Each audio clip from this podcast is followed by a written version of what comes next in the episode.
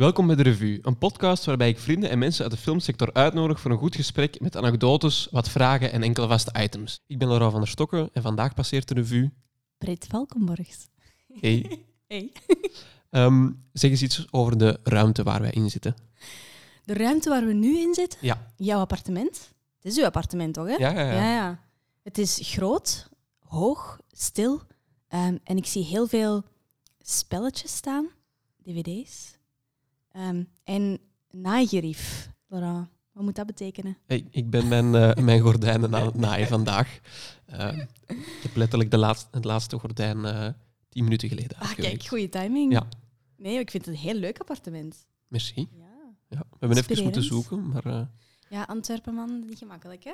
Dat was vooral de, de grootte van een bureau en de living, dat waren zo de, de, de selling points. Zo. Ja, jullie, zijn, jullie werken alle twee vooral thuis, waarschijnlijk ook. Dus dat is wel super belangrijk. Ja. Ik had een eh, klein appartement in Antwerpen. En aangezien ik nu ook meer thuis werk, ehm, eh, moet ik nu kijken naar een, alleen voor iets anders. Want het is, ik zat altijd in dezelfde ruimte. En dat is echt niet tof als je ook thuis werkt. Ja, ja, ja, ja. Dus ja, ik ken het goed genoeg. Stel uzelf eens even voor. Ah, man, daar ben ik niet op voorbereid. Uh, Britt Valkenmorgens. Wij hebben ooit nog samengewerkt. Ja? Ehm, dat is intussen al vijf jaar geleden, denk ik.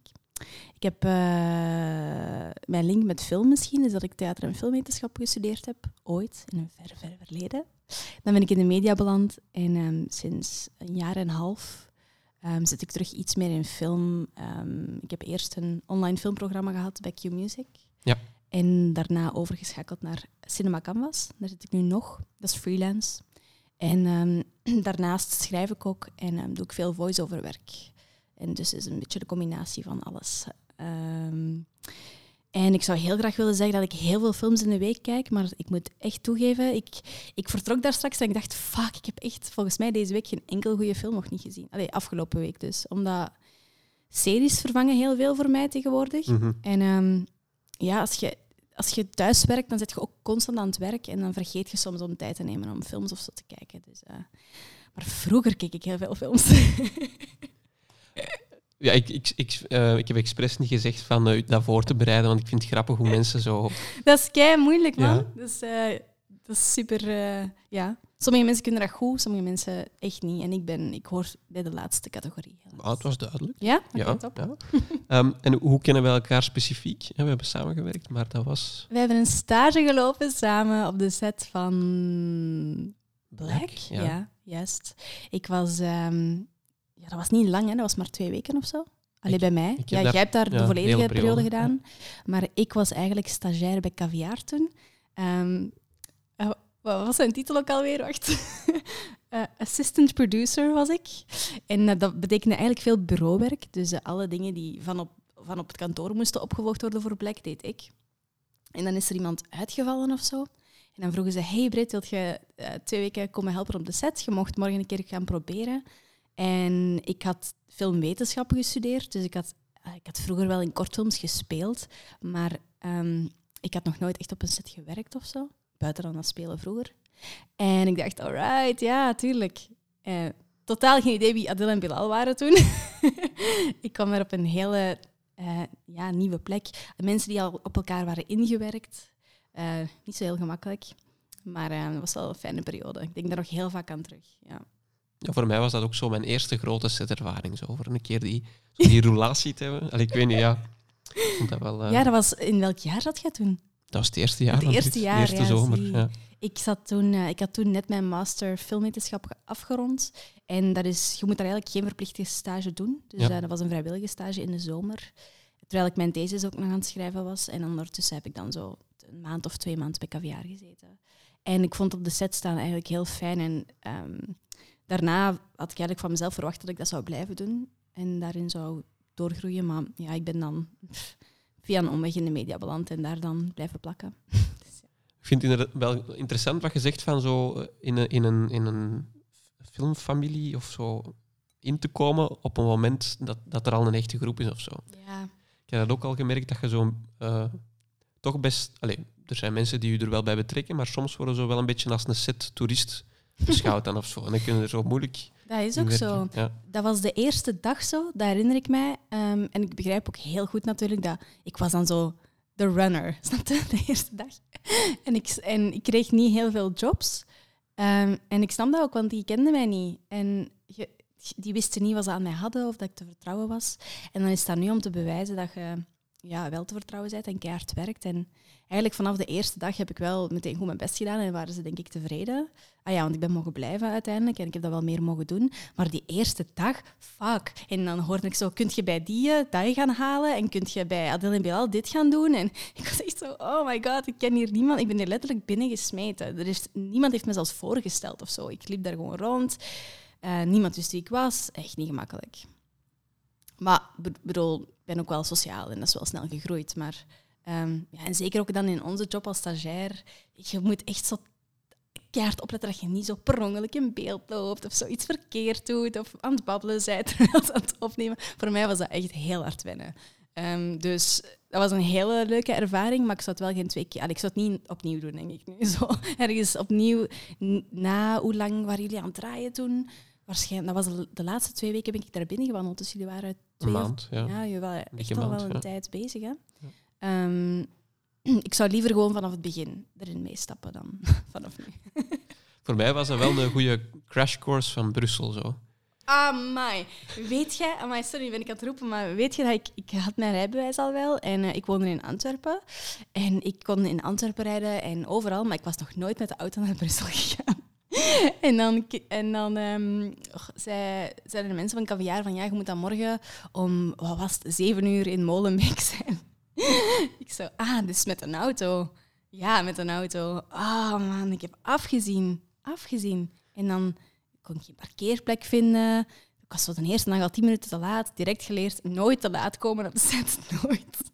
heb ik daarna ook al nooit meer gedaan. Maar dat, is er echt nooit, dat ben ik nooit vergeten. Maar ik heb wel leren rijden in Brussel. Zo. Ik ook. Ik had, ik had een maand mijn rijbewijs. En dat is mij direct in een camionet. En dat was dan nog de, de tweede of de derde vitesse was kapot toen. Verschrikkelijk. Ja, ik kan me het helemaal inbeelden. Ik, uh, ik moest ook op het einde van de draaiperiode moest ik ook die camionetten gaan terugbrengen. Zo. Ik had nog nooit met een auto... Ik bedoel, ik had toen een kleine Toyota Yaris. Ik had nog nooit een auto gereden die groter was dan dat. En ineens moest ik mijn camionet vol zo lichtmateriaal en zo rondrijden. Oh, dat is, ja, dat is inderdaad een crash. Ja. Maar het was wel, het was wel leervol. Het was, wel, allez, het was super leerrijk. En um, ik kom die mensen ook nog altijd, allez, ik kom die mensen nog altijd tegen. En ik kan me inbeelden, jij je hebt waarschijnlijk nog wel nieuwe sets gedaan waarin je dezelfde mensen bent tegengekomen. Ja. En, uh, Absoluut. Zo bouwt je naam ook, ook natuurlijk. Ik heb dan daarna Patser gedaan en dan... Had je ook Patser gedaan? Ja. Okay, cool. Als, uh, eerst was ik making of en dan ben ik zo plots C-cam geworden. Surprise! Ja, voor alle stuntscènes. En dan, uh, en dan voor Torpedo heb ik ook een paar dagen met de miniaturen meegedraaid. Ja. Oké, maar ja, dat was geen... Uh, dat is niet echt wat wij deden op Black. Nee, nee, was... nee.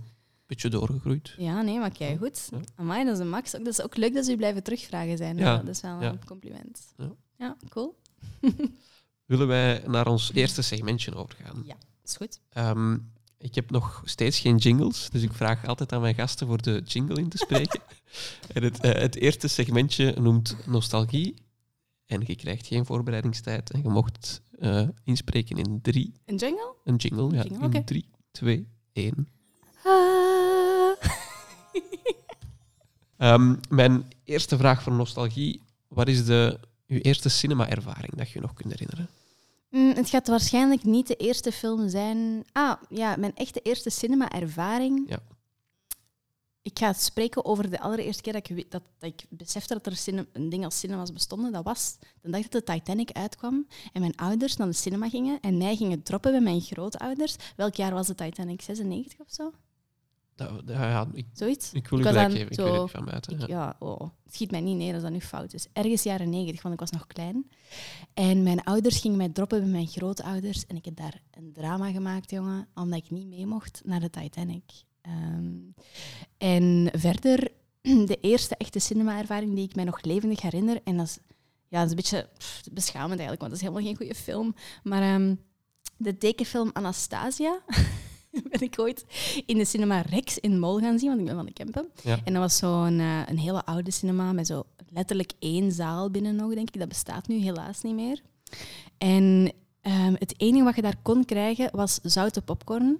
En ik heb me daar ziek gegeten toen. En dus ik ben in het midden van de film naar buiten. Allee, fijn, dat was mijn eerste cinema-ervaring. Omdat ik dat gewoon zo specifiek herinner, dat ik daar zo ziek was. En dan ik was zo bang van die, oh, van die film. En nee, dat, dat geen hoogvlieger.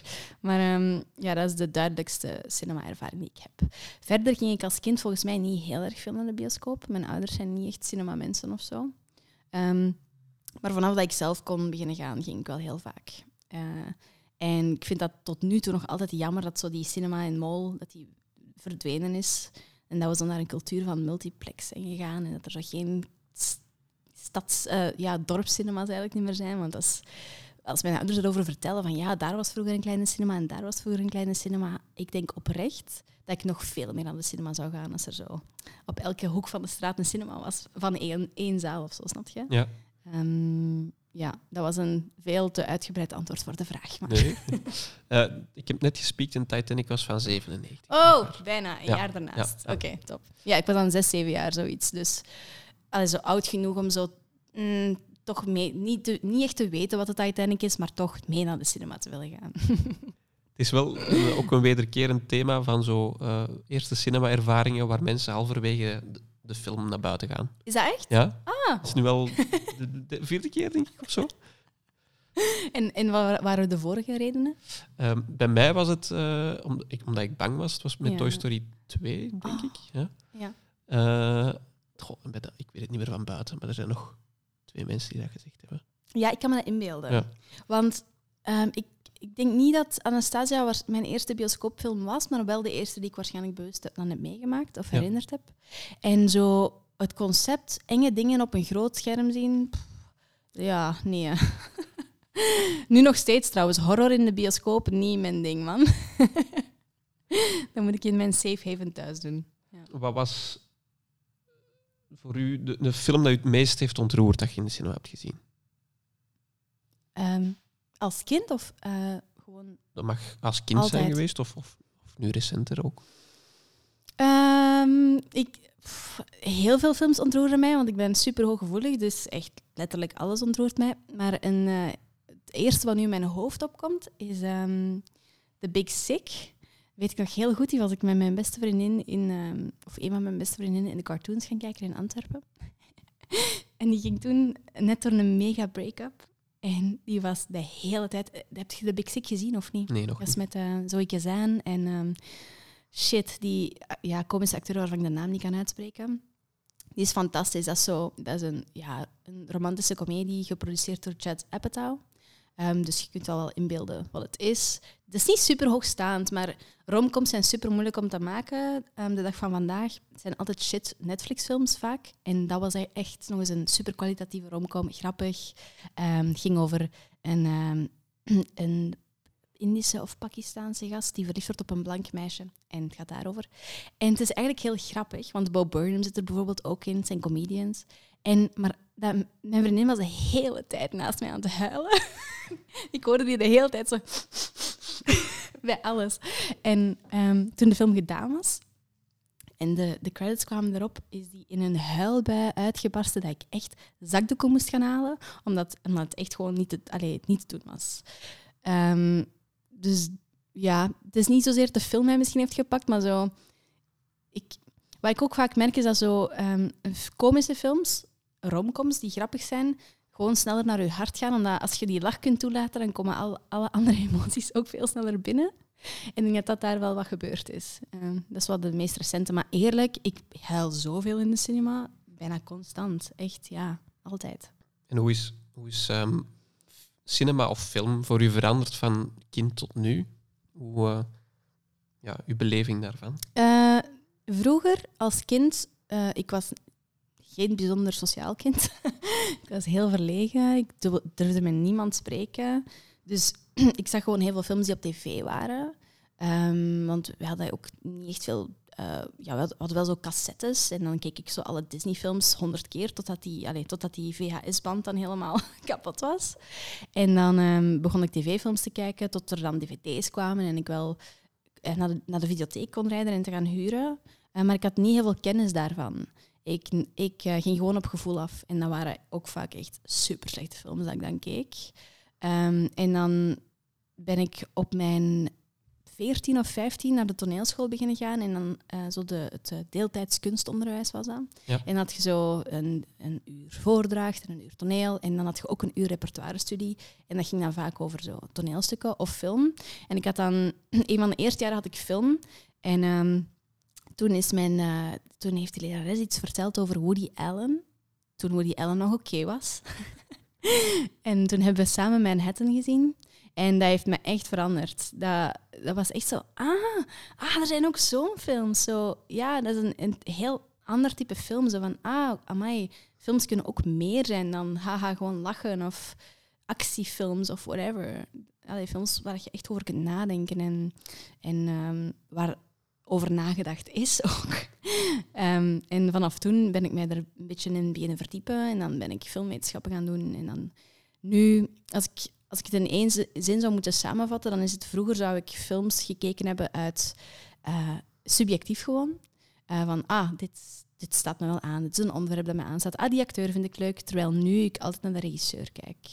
Ehm, en dat is misschien is misschien ook een beetje jammer. Ik mis dat ook wel, die tijd dat je zo naar de videotheek kon gaan. Niet dat ik nu oud wil klinken. Allee, dat je een film kiest en gewoon subjectief kunt kiezen. Zo van, ah, ik ken er niks van, ik ga gewoon mij laten verrassen.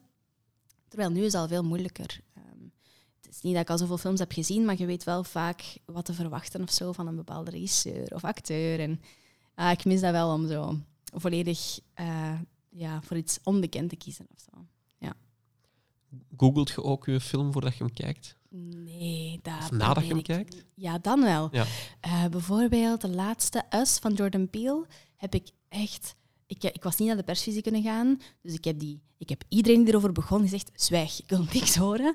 Eh, ik ben pas twee weken na de release in België naar de cinema kunnen gaan of zo. En ik, hoorde, ik zag artikels verschijnen en ik hoorde mensen praten. En ik dacht, nee, ik wil echt niks horen tot ik ga. Ik wil mijn eigen mening kunnen ehm, maken. En ik ben ook blij dat ik dat heb gedaan, zonder iets te verklappen voor mensen die ehm, nog niet zijn geweest. Maar je moet daar echt ehm, leeg binnenstappen, vind ik. En dan daarna kun je de connecties wel leggen en misschien een tweede keer gaan kijken als je meer weet of zo. Maar nee, ik probeer dat niet te doen. En trailers? Ja, dat wel. Daar word ik wild van. Ja, ook meerdere keren na één zelfs vaak. Nu bijvoorbeeld die nieuwe Tarantino. Och, man, kan niet wachten. Die trailer heb ik al zo vaak opnieuw gekeken. Maar daar kun je ook niets mee misdoen. Dat is ook iets wat vaak een, niet per se de filmmaker, maar wel de studio uitstuurt. Dat gaat u niks verklappen of zo. Terwijl op internet, als je op Facebook zit of, of op YouTube, moet je al zwaar je best doen om geen spoilers allee, te vinden. Ja. Zeker nu, Us van Jordan Peele, het is echt moeilijk om ehm, als een onbeschreven blad de cinema in te gaan. Dat gaat gewoon bijna niet. En dat is super jammer. Ehm, want je moet daar je eigen ding van maken, vind ik. Hetzelfde met ehm, ehm, recensies. De reden waarom ik eigenlijk... Ik, ik schreef vroeger ook voor Vertigo magazine. Ja. En ehm, ik vond dat... eh, dat was een superleuke eerste filmervaring. Maar pff, recensies... Ik ga nu iedereen... Ik ga nu al mijn collega's een beetje misschien tegen het hoofd stoten of zo. Maar ik, eh, ik lees dat niet graag en ik geloof er ook niet echt meer in. Ehm, ik, ik geloof dat mensen om een subjectieve reden met een film kunnen connecten en dat je niet per se altijd de mening van de recensent moet luisteren. Wat ik dan wel doe, is misschien meerdere meningen opzoeken, buitenland en binnenland. Maar zo de morgen lezen en dan op basis van één recensie wel of niet naar een film gaan kijken, dat doe ik echt niet. Want dat klopt ook gewoon vaak niet. Allee, vind ik. Naar, Nee, voor is- mij gewoon, voor Ja. mij persoonlijk. Dus, Ik heb nu ook een paar keer zo... Je kunt met UGC, als je een abonnement hebt, kunnen zo de UGC eh, preview label... En dan kunnen het label toekennen van... UGC, ik weet niet meer hoe dat zelfs noemt. UGC heeft een label van Ja. goede films, Ja. tussen haakjes. mhm. Ehm, en je kunt die dan gaan bekijken. En ik geef altijd een heel bekritiserende commentaar. En dan, en dan was dat... Ja, de laatste film was... ehm Ba- Ba- Bal- Balloon, denk ik dat hem noemde. Over een, eh, een Oost-Duitse familie die eh, met een luchtballon de muur wilde oversteken. Oké. Ik vond die niet zo heel goed.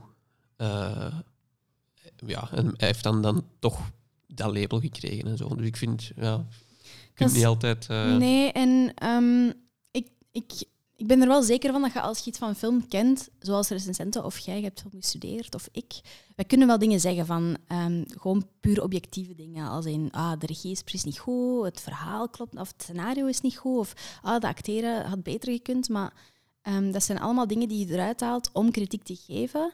En als ik naar mijn vrienden kijk die niks met film te maken hebben, maar wel graag naar de bioscoop gaan, die, letten, allee, die gaan er niet één ding uithalen om dan te, te bekritiseren. Die die willen daarmee connecten. En als dat mogelijk is, dan vind ik wel allee, dat je mensen daarin de keuze moet geven. Tenzij dat je naar de nieuwe Baywatch wilt gaan kijken, dan zou ik... Allee, dan een 0% recensie heeft meestal ook wel een reden. maar zo, ja, ja, films in het algemeen, ik probeer me daar niet te hard door te laten leiden en mijn eigen mening op te maken.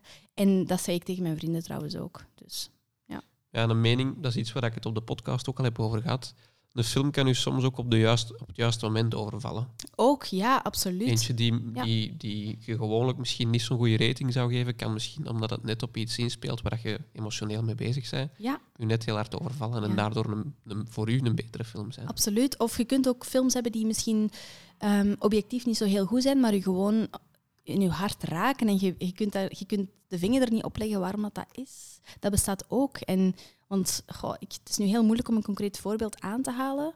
Ehm, maar ik heb er zeker in het verleden al zo gehad waarvan ik dacht, ah, dit is, niet, dit is geen perfecte film. Lady Bird bijvoorbeeld. Ja. Hoewel, goh, wel close to perfect. Maar ja, dat is ook haar eerste film. Dus er zijn wel wat dingen waar je over kunt spreken. Maar die, die kwam zo binnen in mijn hart dat ik dacht, 100, allee, ik zou die iedereen willen aanraden. maar dat is ook voor iedereen anders. Ik heb exact hetzelfde gehad met Ladybird. Ah. Dat was ook net op het goede moment of zo. Maar, ja, natuurlijk. En um, ik, denk, ik denk dat er ook mensen zijn die Ladybird niet leuk gaan vinden, maar je moet dat wel goed je best doen, denk ik. Ik denk dat iedereen wel een beetje ermee kan connecten. Maar zo zijn er veel films um, die niet perfect zijn en die toch, ja, toch één aspect zo goed hebben gedaan. Voor mij kan dat soms ook gewoon de muziek zijn. En dat is uh, super oppervlakkig misschien. Maar soms kan gewoon de muziekkeuze al een film maken voor mij. En um, dat is persoonlijk, want andere, bijvoorbeeld journalisten of recensenten, die zouden daar nooit, die zouden nooit op basis van muziek alleen een film goed vinden. Dus, um, maar ik probeer dat niet te analytisch te bekijken. Zo. Dat is, ik, film dat is kunst en dat is plezier. En ik wil ach, zo overanalyseren, dat is wat ik heb gestudeerd. En dat is ook een beetje jammer soms. Ik, um, ik heb bijvoorbeeld in mijn tweede jaar had ik een vak visuele kritiek en dan moesten wij uh, we kregen dan op ons examen een filmfragment en we moesten de hoeveelheid kuts tellen. Uh, we moesten de, uh, iets vertellen over welke lens, met welke lens er werd gefilmd. Zo alle, al die dingen moesten we dan invullen. En dat was die film van Tom Ford. Shit, hoe heet hij nu weer? Met Colin, Colin Firth in de hoofdrol. A Single Man. Een single man, denk ik. Dat kan. Ja, en ik had die al een keer gezien. Ik had die ooit zo gehuurd of zo in de videotheek. En ik kreeg die op dat examen. En die was, ik had die kapot... Ge Allee, dat, ik had dat examen gedaan, ik kwam buiten. Ik heb die film nooit meer kunnen zien. Want dat was gewoon kapot geanalyseerd. Super jammer. Allee, dat is nu... Ja, ik was ook gepuist op dat examen de eerste keer. Dus. um, maar ja, dat probeer ik toch niet te veel te doen. En ja. kun je dat ook bewust uitzetten, die analytische kant? Of die... Ja, eigenlijk wel. Ik kan dat wel aanzetten ook. Um, en dat is heel lastig, maar dat moet soms voor de job. Bijvoorbeeld die, die video-essays die ik voor Cinema Canvas maak, dan moet je al heel analytisch gaan kijken. Um, maar als ik naar de cinema ga en ik ga de eerste keer een film kijken, dan probeer ik dat echt gewoon op mijn emoties te pakken en niet analytisch. En ik kan er wel meestal een goed onderscheid in maken. Daarom dat ik ook um, ik heb ook een tijdje de Filmfest Talkies gedaan um, van Filmfest Gent, samen met mijn collega's Steven Tuffin van Vertigo en Ben van Alboom van X de Morgen. Um, en wij konden ook het vaak echt niet eens zijn, omdat, omdat zij vaak spreken uit, en zeker omdat zij hebben veel filmervaring. Ik ben eigenlijk nog altijd, ik ben al wel een paar jaar afgestudeerd, maar nog altijd wel een newbie. Zij hebben superveel ervaring. Uh, zij spreken echt uit kennis en analyse en ervaring. En ik was heel vaak gewoon uit emotie aan het spreken. En um, toen is Ladybird ook een keertje aangehaald en ik was super emotioneel over Ladybird aan het praten. En toen zei Patrick Duinslager van, uh, van Filmfest Gent, ja, maar zo'n goede film was dit ook wel niet. en ik zo, wat? Ik was al bijna in mijn gat gebeten, zo, snapte? Dus um, nee, ik maak daar wel een onderscheid in. Ja. En welke film of welke maker is uw grootste inspiratie geweest om zelf te maken? Of, of krijg je zo zin van om ook dingen te maken? Mm. Buiten Woody Allen is dan een klein Oh, dat vind aanzet, ik nu moeilijk. aanzet geweest. Laten we het een aanzet noemen dan. Ja, dat was een, dat was een grote inspiratie. Ehm, om echt met film te beginnen. Of voor erin bezig te Of te blijven. gaan studeren Ja. of zo. Ja, om te gaan studeren, dat was zeker wel gewoon die, die lessen in het eh, kunstonderwijs. En dus Woody Allen onder andere. Ehm, en dan daarna... Ja, ik heb heel veel nouvelle vaak gehad. Dus, en als ik daar nu nog iets over zie of lees of er sterft iemand, want ja, het is ook wel die generatie die nu allemaal aan het doodgaan zijn, Ehm, dan komt dat nog altijd keihard binnen en dan denk ik, ah man, we hebben meer van die filmmakers nodig. En ik zou dat zelf willen kunnen en ehm, zo echt tegen het systeem werken en zo. Maar ik denk de filmmaker die mij nu het hardst inspireert, eh, omdat dat gewoon heel dicht bij mijn eigen stijl en smaak ligt, dat is Damien Chazelle. maar dat is ook een heel recente filmmaker, hè? ook nog heel jong. Maar ehm, ik- daar zou ik nu alles van willen zien en volgen. En ehm, ik denk, oh, ik ben er jaloers op, op zijn carrière ook. Dus die inspireert mij ook om misschien ooit zelf een film of zo te willen maken. Ja. Ook omdat hij gewoon bijna zijn eigen goesting doet, man. Die, ehm, ik heb eh, vorig jaar zo de Hollywood Reporter gekocht, waarin hij dan in stond. Zo een interview van drie pagina's. eh, naar aanleiding van... Was dat First Man dan? Ja. Ja, Mhm. En ehm, daarin stond dat hij ooit naar L.A. verhuisd is en zo ah, zijn eerste job was boekenvertaler of zo. Een job die hij heeft... Ik weet niet of hij filmschool heeft gedaan, ehm, maar een job die hij makkelijk kon combineren met scenario schrijven. En dan is hij aan zijn eerste films begonnen en dan, ja, voilà, zijn carrière is dan zo vertrokken. En ik denk echt, alright, cool. En verder andere filmmakers die eh, ook geen klassieke regieopleiding hebben gehad, vind ik ook heel cool. Jim Jarmusch. Ehm, ja, heel veel eigenlijk, hè. Spike Jones. is ook een eh, enorme inspiratie. Vooral ook omdat Spike Jones ehm, ook veel andere dingen doet daarnaast. En ehm, ik zie mezelf wel iemand, als iemand die... ik ben ook geen regie aan het studeren, hè. dus ik, eh, ik doe graag veel verschillende dingen. En Spike Jones is... Ik weet niet of je fan bent van hem, maar... eh, Ik heb er nog te weinig van gezien. mijn holy grail, ja. Ik heb, ik heb, maar er staan veel van op mijn lijstje, maar mijn lijstje blijft groeien Ja, en groeien. Eindeloos, Dat is- maar dat is mijn probleem ook. Ik, eh, ik heb nog zoveel filmmakers waarvan ik moet opbiechten dat ik echt gewoon nog niet zoveel heb gezien eigenlijk. Dus ja. oh, en ook ehm, een belangrijke film voor mij was ook ehm, Inception van Christopher Nolan. En dat is waarschijnlijk ook een heel standaard antwoord. Nee, maar ik vibe daar wel heel erg Ah, ja. mee, want dat is ook een film dat ik kapot heb gezien Ja. en kapot geanalyseerd en Echt, dat was ook... Ja. Ik weet niet welk jaar dat, dat was, maar dat was ook zeer bepalend. Voor voor zo'n 2009 zeg Ja, ja. voilà. dus ook toen ik waarschijnlijk net ging studeren en ja, dat was toch ook, die is ook goed binnengekomen, die film. Om- Misschien een controversieel, controversieel vraagje liever. Mhm. Ehm, om op eh, Woody Allen even terug te komen. Oeh, gevaarlijk. Ja. Eh, vind jij persoonlijk dat je films nog los kunt bewonderen van context of niet? Ik vind dat moeilijk, want eh, Polanski is ook zo'n geval. Ja. En dat vind ik een hele moeilijke, want ja, dat blijft wel een film is een genie en dat is pijnlijk. Ik vind niet, ik moet ik echt opletten en goed nadenken over wat ik zeg. Ik vind niet dat je die kunt wissen uit de filmgeschiedenis.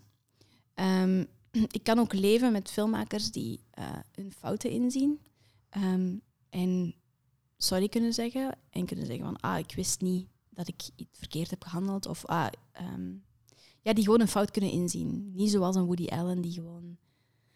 Ja, er is natuurlijk niks bewezen tegen hem, maar dat is ook een moeilijke zaak.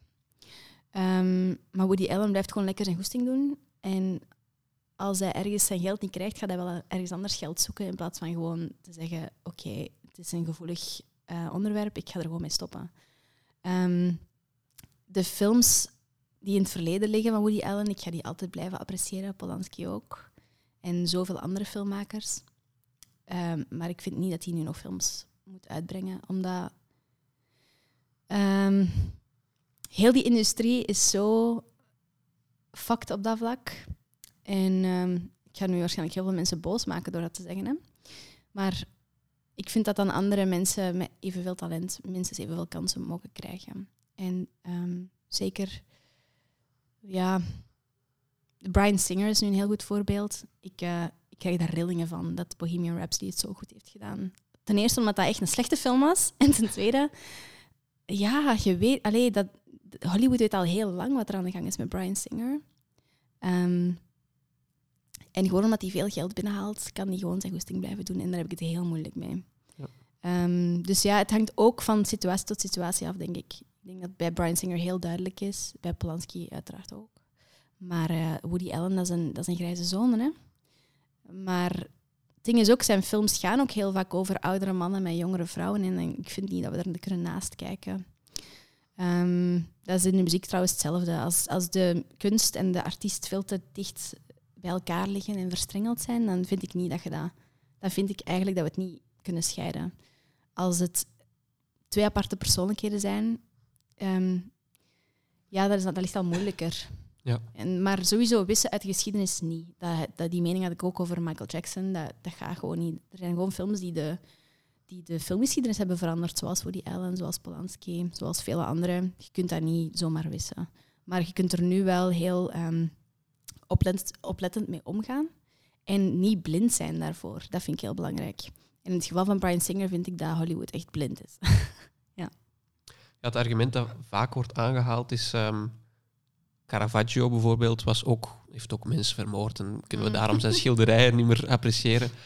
Um, maar ja, het blijft een moeilijke discussie. Ja, wat ik ook heel vaak hoor is, ja, uh, als we alle artiesten die klootzakken zijn moeten uitsluiten, dan hebben we geen kunst meer. En helaas is dat ook wel vaak zo. Maar er is nog altijd een verschil tussen iemand ophemelen of het erkennen en zeggen en het kaderen. Mm. Um, stel je voor dat je nu een prof filmgeschiedenis bent en je moet iets je moet lesgeven over Polanski of Woody Allen, dan zou ik dat ook graag weten. Gewoon. Um, omdat in die twee gevallen ligt, de, vind ik, de kunst en de persoonlijkheid wel heel dicht samen.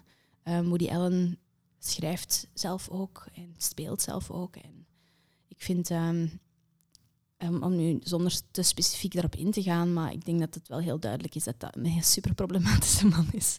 En daarom moet je dat niet wissen, maar je mocht er wel mee oppassen. Ja. En dan is het een andere discussie, um, bijvoorbeeld die nieuwe film van Woody Allen die dan uh, op Amazon ging uitkomen en dan niet meer. En ze gaan het dan niet meer doen. En Woody Allen heeft dan zelf de trailer uitgebracht of zoiets. Ja. Heb ik dan vorige week gezien.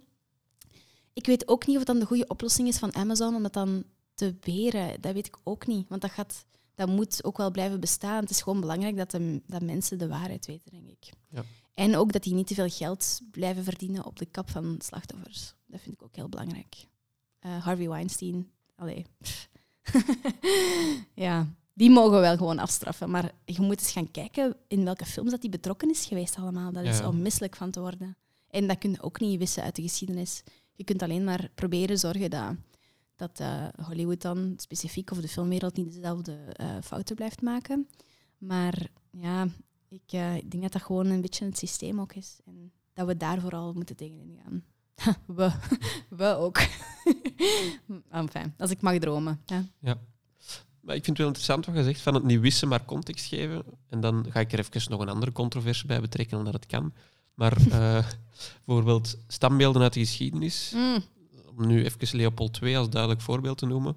Ik vind het dan interessanter, persoonlijk, hè, van de standbeelden te laten staan en daar een bord bij te zetten van context, dan beelden te gaan weghalen en het gewoon collectief te wissen. Want Ja, dan, dat is zo. Het probleem is nu met eh, Leopold II dat veel kinderen of jongeren in school ook gewoon niet precies weten wie dat is of wat die man heeft misdaan of wat hij allemaal op zijn kerfstok heeft. En dan is dat wel problematisch dat je gewoon een standbeeld van hem ziet staan en de context niet kent. Dat is, eh, dat is echt een probleem, ja. Ehm, dus inderdaad, ik, ben, ik, ik vind niet dat we de geschiedenis kunnen wissen. We moeten uit de geschiedenis leren. En dat is bij film ook zo, denk ik. Oké, laten we misschien de controversies eh even achter ons laten. Wat is de laatste film dat je gezien hebt? Booksmart van Olivia Wilde. Eh, heb je die al gezien of Nee, ervan gehoord? Nee, nee, nee. Dat is het eerste filmdebuut van de actrice Olivia Wilde. ehm, die wilde gaan regisseren. Die ehm, verklaart in interviews zelf dat ze in het verleden te vaak gecast werd voor haar looks. En ehm, ja, als je al haar films erop nagaat, dat is ook wel een beetje. Die heeft nooit echt ehm, die heeft mooie rollen gehad. Maar ja, ik, ik kan me wel begrijpen dat, dat je dat beu wordt om de, het knappe model te zijn. Of de Ja, knappe vriendin. Of, dus, ja, ja. allee, dus, en zij had zoiets van, oké, ik wil mijn eigen carrière in handen nemen. En dus nu heeft ze Booksmart geregisseerd. Het gaat over twee eh high school meisjes die eh, naar high school en dan college zeker, zo is het. Hè? Ja, dus die high school meisjes in het laatste jaar en die gaan dan het volgende jaar naar, naar de universiteit. En ehm, het is een coming-of-age film. Het is grappig. Ehm, het wordt de vrouwelijke Superbad genoemd. Ehm, ze leggen linken met Lady Bird ook, omdat het zo wat indie is. Het is zeker geen Lady Bird. Eh, het is veel oppervlakkiger, maar dat is een, misschien heeft, het heeft een negatieve bijklank. Het is oppervlakkiger, maar het is een leuke film om naar te kijken, maar je moet er ook niet superveel van verwachten. Ja. Ehm, maar de twee hoofdactrices, waarvan ik de naam nu ben vergeten, zijn fantastisch. Eh, super komisch, talent, echt waar. Het verhaal is leuk, het is leuk gefilmd. Het is een leuke film gewoon. Het is leuk omdat dat Superbad in, met twee vrouwelijke hoofdrollen is. En ook al is dat geen supergoeie film, of geen super vernieuwende film, want het is een film vol clichés, ehm, toch moet dat wel gemaakt worden. Gewoon voor, allee, ik kan me inbeelden, toen ik 16 was en ik zou die film zien, ik zou dat fantastisch vinden. Dus ehm, ja, ik vind het wel heel geslaagd. Ja. En je merkt ook dat alle schrijvers zijn vrouwen. En je merkt dat ook wel aan de personages. Eh, ehm, het ene hoofdpersonage is lesbisch. En het andere hoofdpersonage is een super, eh, super grote strever. Maar een super feminist ook. Maar dan tegelijkertijd al zitten geilen op jongens van de klas. Allee, het is zo heel... Al die personages hebben zo'n een leuke dubbelzinnigheid die, je, die normaal in zo'n film heel stereotyp zouden worden neergezet. En dat is nu niet gedaan. En het verhaal is misschien een beetje stereotyp. Twee seuten die in het laatste jaar van eh, een high school zitten en merken van, oh nee, we hebben niet gefeest, dus we gaan het allemaal inhalen. Daar gaat de film eigenlijk over. Het is niks vernieuwend, maar gewoon de personages zijn heel leuk gemaakt en geschreven en het is kei tof gedaan. Muziek is goed. Dat is precies mijn eigen Spotify-lijst die daarin zat. Ehm, dus het is een... Als je er niet te veel van verwacht, dan is dat een supergoeie film. Een, een vraag die daar misschien op inspeelt. ehm, wat is er belangrijker, verhaal of personage? Mm. Ik, vind, ehm, ik vind een film pas goed als echt de personages supergoed uitgedacht en uitgeschreven zijn. Dan, dat vind ik echt blijk geven van talent. Omdat, ja, voor verhaal zijn er ook weinig regels, denk ik. Je voelt dat of je voelt dat niet. Eh, Je kunt erover discussiëren, want je hebt filmschool, eh, filmschool gedaan. Ehm, maar ik, ik let meestal op de personages. Ehm, omdat dat het moeilijkste is, denk ik. Denk je dat niet? Wat denkt jij? Het, het hangt ook van het type film af natuurlijk. Het grote voorbeeld van, van eh, heel personage-driven films, dat is, dan nemen we de Coen Brothers er Mhm. even uit. Ehm, ja, ik weet niet. Dat, dat, ja, die personages zijn fantastisch en je kunt daar, je kunt daar eh, enorm veel appreciatie voor hebben. Maar anderzijds is dat wel moeilijk te vertalen als je een heel verhaalgedreven film wilt maken. Het is- Nee, zwaar. het een staat altijd in functie van het ander. Ehm, want ik had bijvoorbeeld een van de films van de Coen Brothers, ehm, Inside Llewyn Davis. Mhm. Dat, was dan, dat is dan een heel personagegedreven verhaal, allee, film. Maar van, van verhaal vond ik dat dan net te weinig, persoonlijk. Dat was Oscar Isaac, dus dat nee, super overvlakkige comment. Nee, maar ik snap het. Hoewel ik wel vaak merk dat het wel de personages zijn die mij vaak binnensleuren in het verhaal. Ja. En ehm, dat is voor mij persoonlijk zo. Maar ik heb vaak echt een personage nodig om in dat verhaal te geraken. Dus ik vind dat voor mij het belangrijkste. Ehm, maar ik kan ook alle soorten films wel appreciëren. Dus, eh, hoewel de Coen Brothers, ik heb daar ook niet superveel van ge- Ik heb daar niet alles van gezien. Dat is zo meestal iets dat ik, eh, als ik de keuze heb, dat ik het meestal staan. Ja, ja. Dat is misschien ook misschien wel een van de enigen in, ik weet het niet.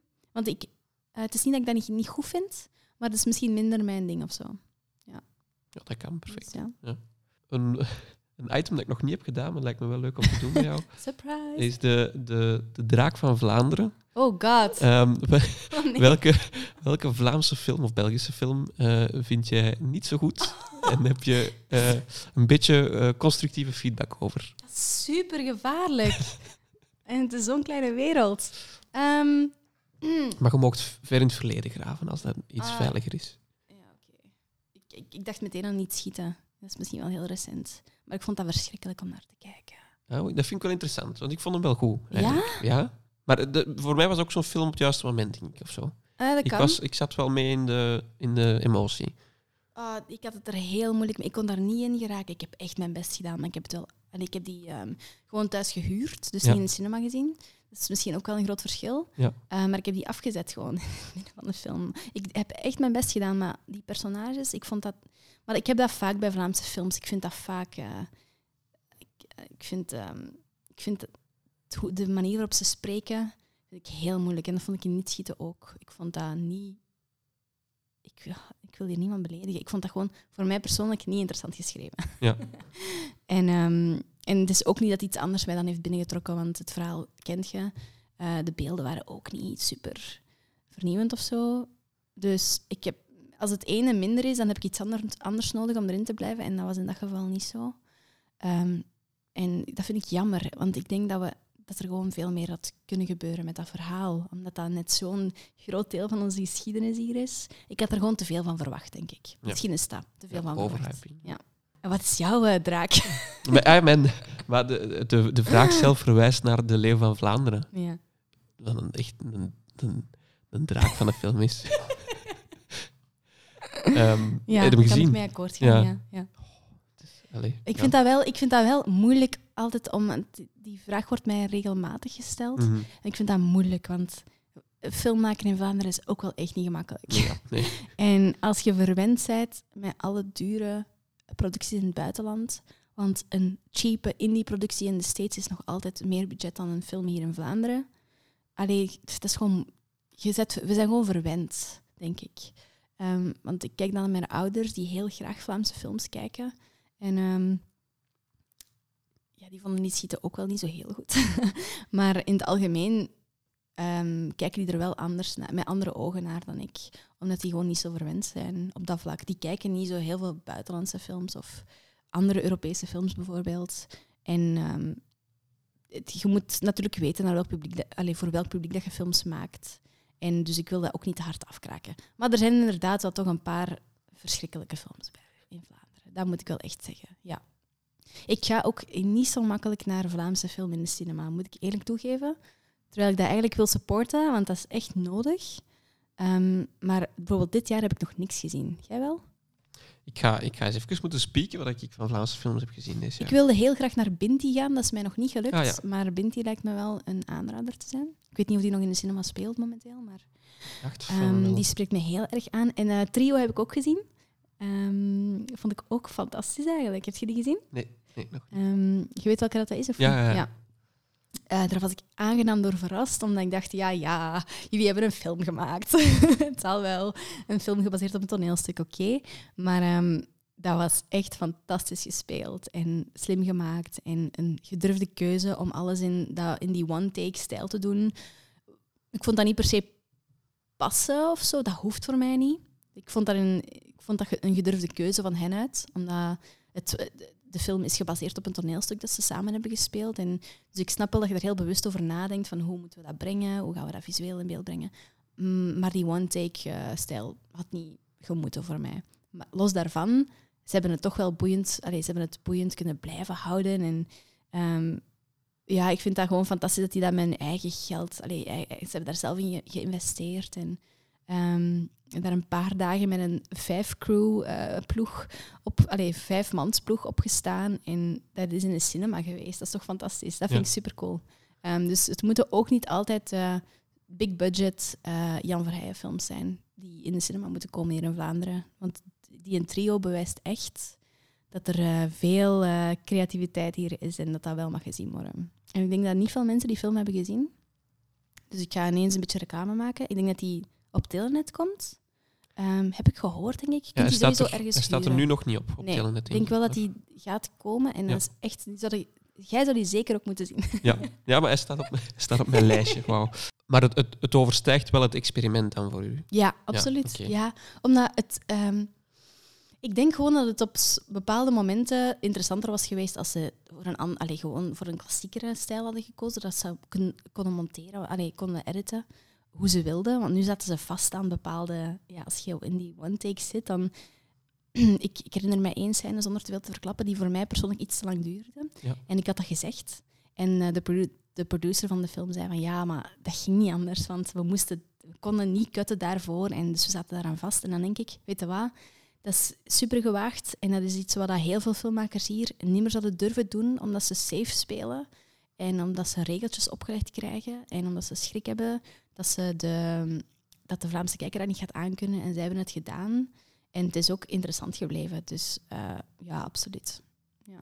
En ik snap het ook dat, ze dat, dat dat voor hen om te spelen veel leuker was. Omdat zij spelen theater natuurlijk. En dus alles hangt een beetje af van ze moeten dat repeteren. En ze moeten dan, alles hangt zoveel af van één superlange take. Als acteur is dat natuurlijk helemaal iets anders dan ja, korte takes die je neemt en dan opnieuw doet en opnieuw doet. Hier heb je maar een paar kansen om het te doen. Dus dat, ja, dat is wel helemaal iets anders. Ja, dat is iets wat ik ook vaak hoor bij acteurs en actrices, dat het, doorspelen net zo aangenaam is. Ja, van, ja.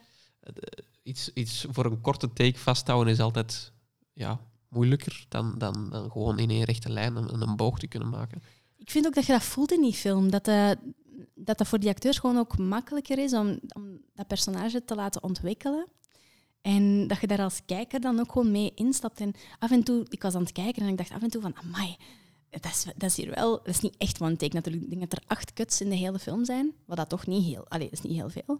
Dus dat is toch wel een straffe prestatie. Um, maar verder ga ik niet veel meer verklappen. Um, moet, het is gewoon een aanrader, je moet hem zeker huren. Of kijken. Ik heb net gespiekt en de enige Vlaamse film, en dat was dan een documentaire, is Hollywood aan de Schelde. Dat is de enige die ik dit jaar heb gezien in de cartoons. En, want ik heb het boek gelezen en daar valt toch wel het een en ander over te zeggen. Het boek uh, is, uh, ik, ik weet zelfs niet of dat, dat verband houdt met de film, want daar, zit zelfs geen overlap in, denk ik. Nee, dat weet dat ik is, niet. Er is nu een draak van een boek, denk ik, dat we wel kunnen zeggen. Yep. Um, uh, daar hebben we het op Instagram ook over gehad. Ja, ik was er heel erg van geschrokken hoe ouderwets dat, dat was. Um, en hoe, ja, hoe dat, dat enkel de echt oude rotten van de Vlaamse cinema in de kijker zet. Terwijl dat je nu zoveel nieuwe stemmen hebt die toch ook wel wat aandacht verdienen. En ook hoe seksistisch en racistisch het was. maar bon, de film, ja, vertel me iets over de film, want ik heb die niet gezien en ben wel heel benieuwd. Ik vond de film oh, aan zich wel... Allee, ik heb heel goed gekeken. Er komen namen aan bod die wij nu misschien wat vergeten zijn als jonge makers. Mm -hmm. uh, maar het is, ja, de film is effectief wel de documentaire is effectief wel geschreven of gedraaid voor mensen die één, ofwel film hebben gestudeerd en nu in het vak zitten, ofwel uh, gepensioneerden die met een nostalgische trip terugkijken naar de, alle cinemazalen die er in Ja. Antwerpen waren. Maar dat, want dat zat ook in het boek en dat vond ik eigenlijk een hele aangename passage, omdat ik dat niet wist. Ik wist niet dat Antwerpen, hoeveel bioscopen had Antwerpen. En ik dacht, wow, dat is echt Hollywood aan de Schelde. En dat weten wij helemaal niet. En um, dat was wel leuk om daar foto's en zo van, allee, zo, om daarover te lezen en getuigenissen over te horen. En dat vond ik wel heel boeiend. Um, maar ja, verder dacht ik, ja, niet alles interesseert mij. Ja, het is vooral heel boeiend hoe dat die cinema hier uh, gaat letterlijk een café en met daarachter dan een filmstudio ja. waar dat ze dan zaten te draaien. En dan bleek dat een van de acteurs aan de overkant aan het was en dat ze de scène niet konden verder. Alleen zo, dat zijn van die, ja, ik noem dat zo van die cowboy-verhalen. Dat kun je niet voorstellen. En dat doet mij ook altijd nadenken hoe hard dat, die, dat de cinemawereld of de filmwereld eigenlijk veranderd is. In het korte bestaan dat die kunst heeft, is dat al zo vaak overhoop gegooid. En nu weer, met dat digitale en zo. Dat, het lijkt zo geen lang leven te mogen hebben of zo. Um, maar ik had wel graag in die jaren geleefd, waarin, dat, waarin, waarin dat je gewoon op café kon gaan en zo. Allee, in de cinema achter een hoek kon gaan. En, ja, dus, en dat er filmsterren uit Frankrijk naar hier, naar, naar Antwerpen kwamen op de Rode Loper en zo. Dat je echt denkt, huh? hoe kan dat? Ja, dat, dat, er, echt... dat er stoeten door de, allee, door ja. het, over de Turnhoutse baan gingen Ja. tot de... En, en dan vraag ik mij af, ik vind dat dan zo jammer. Niks, ik wil niet zagen over Kinepolis of UGC, maar ik vind dat zo jammer dat Antwerpen niet meer leuke stadsbioscopen heeft. Eh, cartoons, daar kom ik wel eens regelmatig. En dan heb je ook nog die... eh, De studio heb je nu. de studio heb je ook. En er is er nu nog een tweede zaal aan het bouwen, denk ik. Dus dat wordt wel de moeite. Eh, maar dan heb je... Is dat dan Cinema Nationaal? Die oude zaal? Dat weet ik niet. Ehm, maar dan, dan zijn we ook een beetje rond, denk ik, tenzij ik nu iets vergeet. Maar ja, ik, ik mis dat wel. Wat ik leuk vind als ik naar het buitenland ga, naar, naar een andere stad, dan vind ik dat leuk om naar zo van die lokale kleine bioscopen te gaan en te zien, ah, wat speelt hier? Ah, we hebben twee keuzes vandaag, alright. In Nederland is zo'n goed voorbeeld. Die hebben zo hard, die zijn zo hard geëvolueerd. Die hebben heel veel leuke kleine stadsbioscopen. Je kunt daar iets eten, iets drinken, je blijft daar hangen. Die hebben concepten, die hebben echt filmavonden waarin je drie films van één regisseur kunt gaan kijken. Ja, dat doet de UGC ook wel, maar pff, dat is toch anders. Snap je wat ik bedoel? Ja, ik vond dat wel eh, goed vroeger in Brussel. Met je UGC-abonnement kon je ook naar eh, Cinema Galerie en naar Actor Studio, dat nu niet meer bestaat. Ah, en is dat nu nog steeds dat je naar andere naar cinemas kunt Galerie nog wel. Nou, Ah, is ik weet niet hoe dat nu uitgebreid is. Ehm, maar Actor Studio was ook een fantastische cinema. Hij bestaat nu niet meer. Sinds, ja, sinds dit jaar of sinds vorig jaar is hij Ja. gestopt. Maar dat was echt zo nog één loketje, ticketje kopen. En Ja. dan moet je mensen naar de bar lopen als je een- iets voor te drinken wil bestellen. Want dat is dan 100 meter verder. In die, en dan zijn er vier zalen. En hij moet zelf ook nog de projectie aan en uitzetten. Dus die, En dat is kei leuk. Dat, zie, dat vind ik erbij horen, zoiets. Ja. En ehm, in Brussel heeft nu ook wel die Cinema Palace. Ja. Vind ik ook heel tof. Zie, dus daar heb je wel al wat meer opties. Gent heeft dat ook. Ik heb zoiets van, allee, Antwerpen, een beetje bijbenen. En dat zou wel fijn zijn. Niks tegen de cartoons, want ik kom heel graag in de cartoons. Maar gewoon om wat variatie te hebben of zo. Want cartoons gaan ook niet alles draaien. Die hebben maar drie zalen. Of vier, drie, denk ik. Ehm, dus dat zou wel heel fijn zijn. Nu wou ik daarnet nog iets zeggen. Ah, ik heb onlangs gelezen dat er ehm, in de States, denk ik, een of andere formule is. Als je... Ah, nu moet ik het juist zeggen, hè. Ik denk dat dat Mubi UK of USA is. Dus Mubi, dat is die streamingdienst voor Ja. kwaliteitsfilms.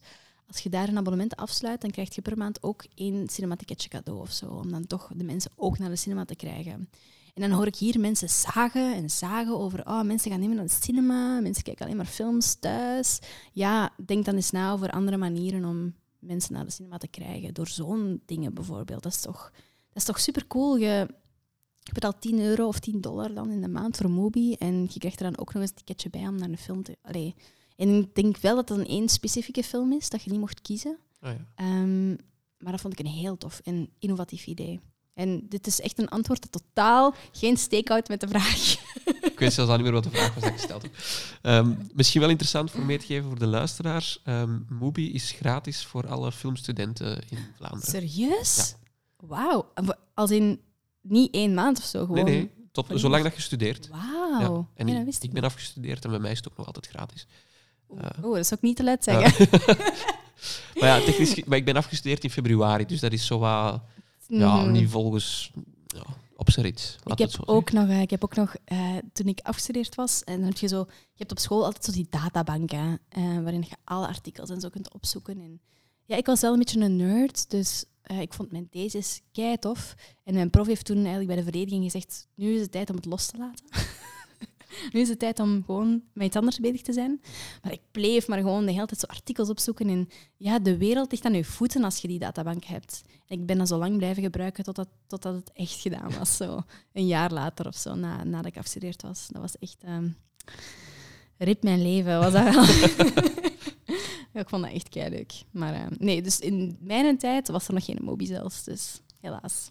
Maar zelfs al moet je betalen, dat is 8 euro of zo in de maand. Ja. En ehm, daar staan echt films op die je anders nooit zou kunnen zien.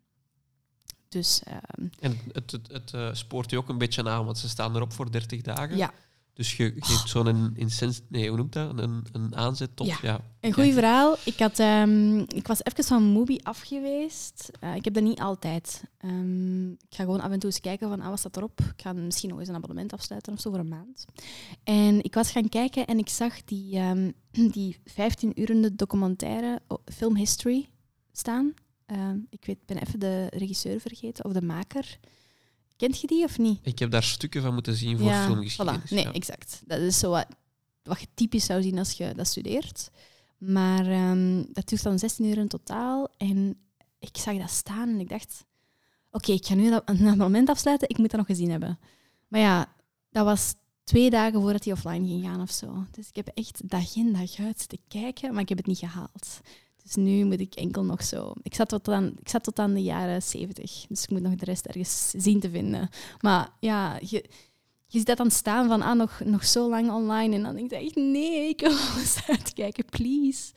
Ehm, en dan dacht ik, misschien ga ik het nog wel kunnen kijken, omdat ik erin ben begonnen. Dat het wel gaat blijven staan. Maar helaas, het is echt ehm, genadeloos. Ja. Je kunt wel een herinnering aanzetten dat, dat ze je een mail sturen als het terug online komt. Ik weet niet wat, hoe, hoe lang uw relatie is. Misschien binnen twee jaar of zo. maar eh, dat, dat kan blijkbaar. Ah, ik vond dat wel de moeite. Want ook al heb ik eigenlijk... Ik heb heel veel filmgeschiedenis gehad in mijn studie. Maar toch zaten daar toch nog dingen in. Omdat je kunt uiteraard niet... Allee, filmgeschiedenis is zo groot. Ehm, en ik was ook al heel veel dingen vergeten. Maar ehm, dat was ook echt een aanrader. Moest je toch nog eens volledig kunnen zien. Die stem is verschrikkelijk om naar te luisteren. Ehm, maar ik heb daar echt nog heel veel uit gehaald. En dat geeft mij nu nog altijd heel veel inspiratie om zo filmgeschiedenis. Ik heb ook zo twee dikke filmgeschiedenisboeken thuis liggen en ik heb die nooit weggestoken. Want dat doet je dan met je schoolboeken zo ver weg in de kelder of zo.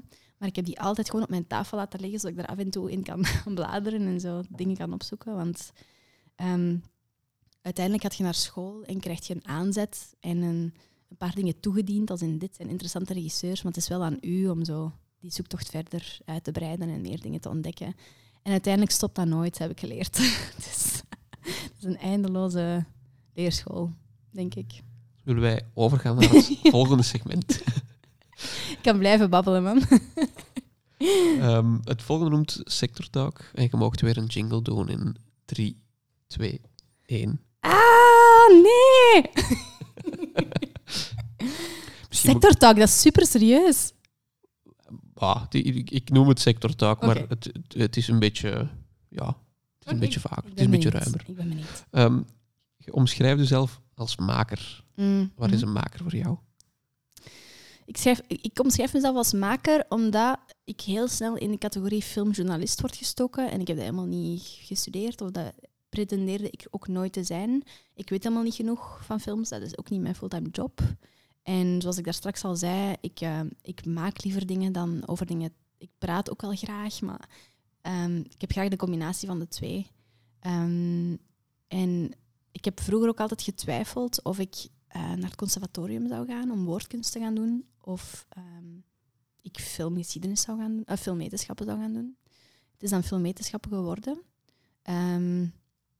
Maar ik ben altijd wel zo blijven twijfelen of dat ik niet liever ja, toch wel maken. Want ja, filmwetenschappen is echt heel academisch en uh, je leert superveel.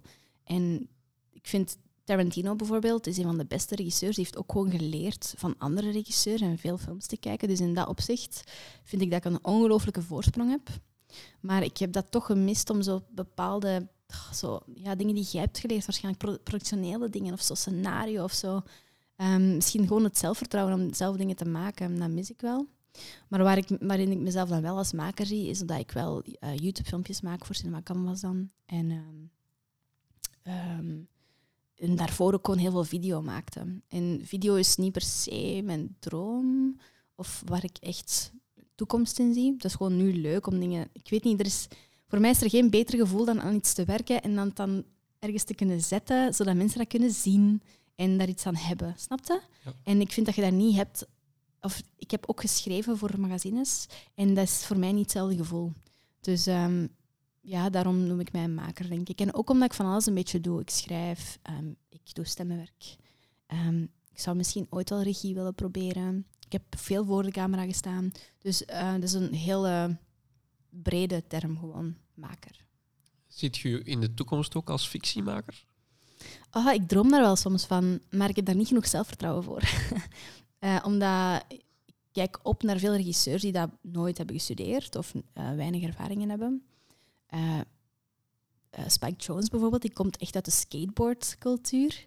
Wat ik super cool vind. En dan is hij videoclips beginnen maken voor zo bevriende bands. En dan heeft hij de bekendste clips uit de jaren negentig gemaakt, praktisch. En dan is hij zo naar film gegaan.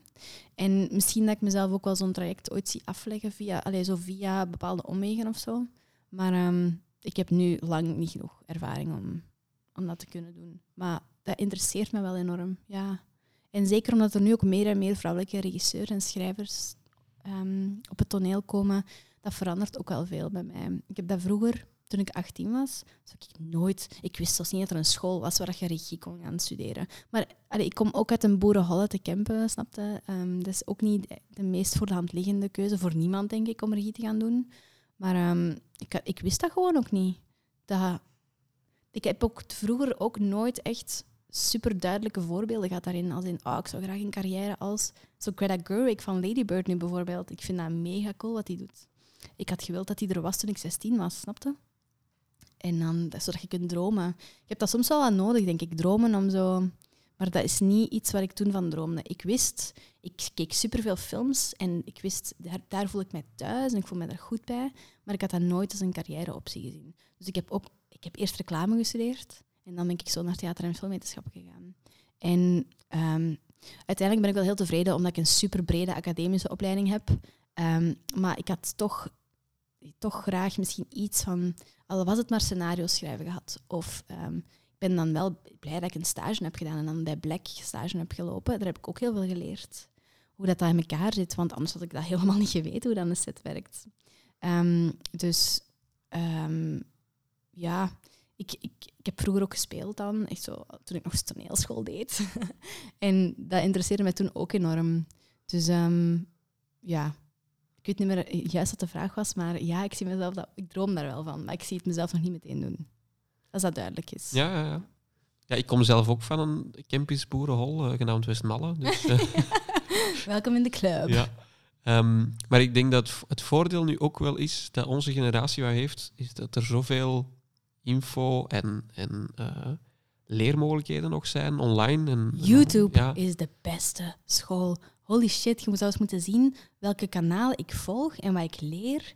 En dat in combinatie met dan ja, die grote regisseurs waarvan je kunt leren. En inderdaad, je kunt podcasts luisteren daarover. En je kunt YouTube-video's kijken. En je hebt alle films die je gewoon online kunt kijken. Alleen niet allemaal, helaas. Maar heel veel films die je gewoon thuis kunt kijken en bestuderen. En een keer opnieuw opzetten. Alleen dat was vroeger allemaal niet mogelijk. Dus ik denk ook wel dat er uit deze generatie nog veel andere filmmakers gaan komen die niet per se op de filmschool gezeten hebben. Um, hoewel dat ik wel geloof dat uh, jullie krijgen heel veel juries en zo, dat dat wel heel veel toegevoegde waarde heeft. Want als je bijvoorbeeld ja, geen filmschool gedaan hebt, dan heb je wel eigenlijk een goede vriendengroep of een goede groep naast u nodig om je werk wel kritiek te geven of bij te sturen, denk ik. Want je kunt dat niet alleen. Toch? Ja, dat, les 1 op het rits is uw jury en je wordt gewoon de grond ingeboord. En dan de komende vier jaar bouwen ze terug een beetje op. Dat is zo. wat typisch, hè? Ja. Dat, dat, hoor ik heel vaak. Dat hoorde ik ook van het conservatorium in Antwerpen. Dat is zo wat typisch. Um, en met wat hebben ze u dan de grond ingeboord? Maar dat is gewoon uw solo. Allee, uw eerste... Ja. Je, je, je, je hebt uh, een ingangsexamen gedaan, je zet erdoor. Jee, oké, okay, je maakt je, je eerste film voor de jury dan. Uh, je hebt misschien uh, een les of vijf gehad, zonder praktijk. Uh, voilà, maak maar een film, jongen. En dan is dat, ja, je hebt gewoon nog niks geleerd, dus gemaakt iets. En je zit kei jong ook niet te vergeten. Ja. Want ik denk dat dat bij mij ook an ik denk dat het anders zou zijn te koer als je 25 zou zijn en je gaat naar de filmschool. Want dan ja. heb je al kei veel gezien. En meege Allee, meegemaakt misschien niet, misschien wel. Dan staat er toch met een ander been in, denk ik. Dan, ja, dat is wel ik was ook niet op mijn 18 naar de filmschool kunnen gaan zijn. Ik was zwaar op mijn bakjes gegaan, sowieso. Omdat ik toen ook gewoon nog niet genoeg had gezien. En ik denk dat, ik denk dat de beste filmmakers ook degene zijn die duidelijk een eigen stem hebben. Of die weten wat ze willen brengen. Of dat zijn toch mijn favoriete filmmakers. En ik denk niet echt dat dat kan als je 18 bent. Tenzij dat je echt super getalenteerd en allee, uitzonderlijk bent of zo. Maar ik denk maar je, je groeit daar wel je in. Je groeit daarin, ja, natuurlijk. Alleen, het is een reden dat je je een bachelor en een master doen. Dan hopelijk wel. Maar dus het is logisch dat je in ja. de eerste film wordt afgekraakt, denk ja. ik wel. Want dat vormt je ook meteen. En dat zal je ook meteen een goede richting opsturen, hopelijk dan. Um, en wat ik ook vaak hoor is dat, uh, dat de filmcrews, of de regisseur en de uh, uh, DOP bijvoorbeeld, al heel snel elkaar vinden op de filmschool of zo. Of dat gewoon vrienden op de, op de school al snel films beginnen maken samen. Dat mengt nu meer. Maar als ik begon, was dat, nog, ah. was dat echt zo'n poelo die nog gescheiden was en die dan samen werd gesmeten rond, het, rond, de bachelor, allez, rond uw bachelorproef in het derde jaar. Mm -hmm. uh, en dan, dan, ja, dat was wel laat om te mixen. Maar nu, nu uh, heeft Sneller. iets daar wel uit bij Ja, voilà. Ja. Dus uh, dat is ook heel belangrijk hè, om gewoon de juiste mensen te vinden om mee samen te werken. Dus ja, dus ik heb er wel altijd een beetje spijt van gehad misschien. Maar ik had ook zoveel willen studeren. Allee, ik had dat willen doen. Ik, ik heb zoveel willen doen. Dus je moet ooit keuzes maken. En dan is er ook niks fout met een superbrede academische opleiding, denk ik. En dan zelf wat ervaring opdoen. En bij mij was dat nu media. En um, ik heb er ook wel gemerkt dat dat niet helemaal mijn ding is of zo. Maar um, daar heb ik ook heel veel geleerd. En veel moeten maken. En reportages gemaakt en zo. Dus dat is op een andere manier leren. Hè. Hoe ziet jouw creatief proces eruit? Mm, ik, heb, ik ben iemand die heel veel uh, inspiratie nodig heeft. Um, ik kan heel snel, als ik merk als ik veel, bijvoorbeeld ik heb het heel druk en ik moet veel werken en ik kom niet buiten, dan is dat op. Dat geraakt op na een tijd. ik ben op mijn best als ik naar buiten kan gaan en ik kan naar een museum gaan of ik kan naar een concert gaan. Ik, heb, ik heb muziekjournalistiek gedaan ook. Allee, muziekreporter was ik. En ik heb ook altijd daar heel veel uit gehaald. Dus bij mij vertrekt dat altijd vanuit een andere vorm, denk ik. Ehm, en dan ontwikkelt dat zo wat in mijn hoofd, heeft dat tijd nodig. En dan begin ik te schrijven aan iets. En dan heeft dat ook tijd nodig. Maar het vertrekt altijd vanuit een moment waarin ik ruimte heb om inspiratie te kunnen opdoen. Want ehm, die drie jaar dat ik dan voor Medialand werkte, dat was constant werken. En ehm, dat was nooit nadenken. En dus op den duur was ik ook vergeten dat, ik dat film mijn passie was. En dat is heel erg om te zeggen, maar ehm, dat was pas toen, ik het, toen het kalmer werd, of toen ik daar echt gestopt ben en naar Cinema Canvas ben gegaan, dat ik dacht, wow, wait a minute.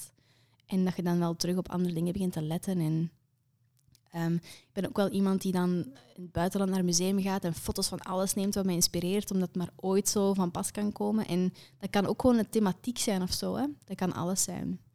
Ehm, ja, en vroeger, uh, toen ik, uh, ik deed heel veel festivalreportages vroeger, en ik merkte ook dat ik, uh, als ik met de bands of met de muzikanten sprak, dat, dat ik heel, dat na vraag drie al vaak over films ging of zo.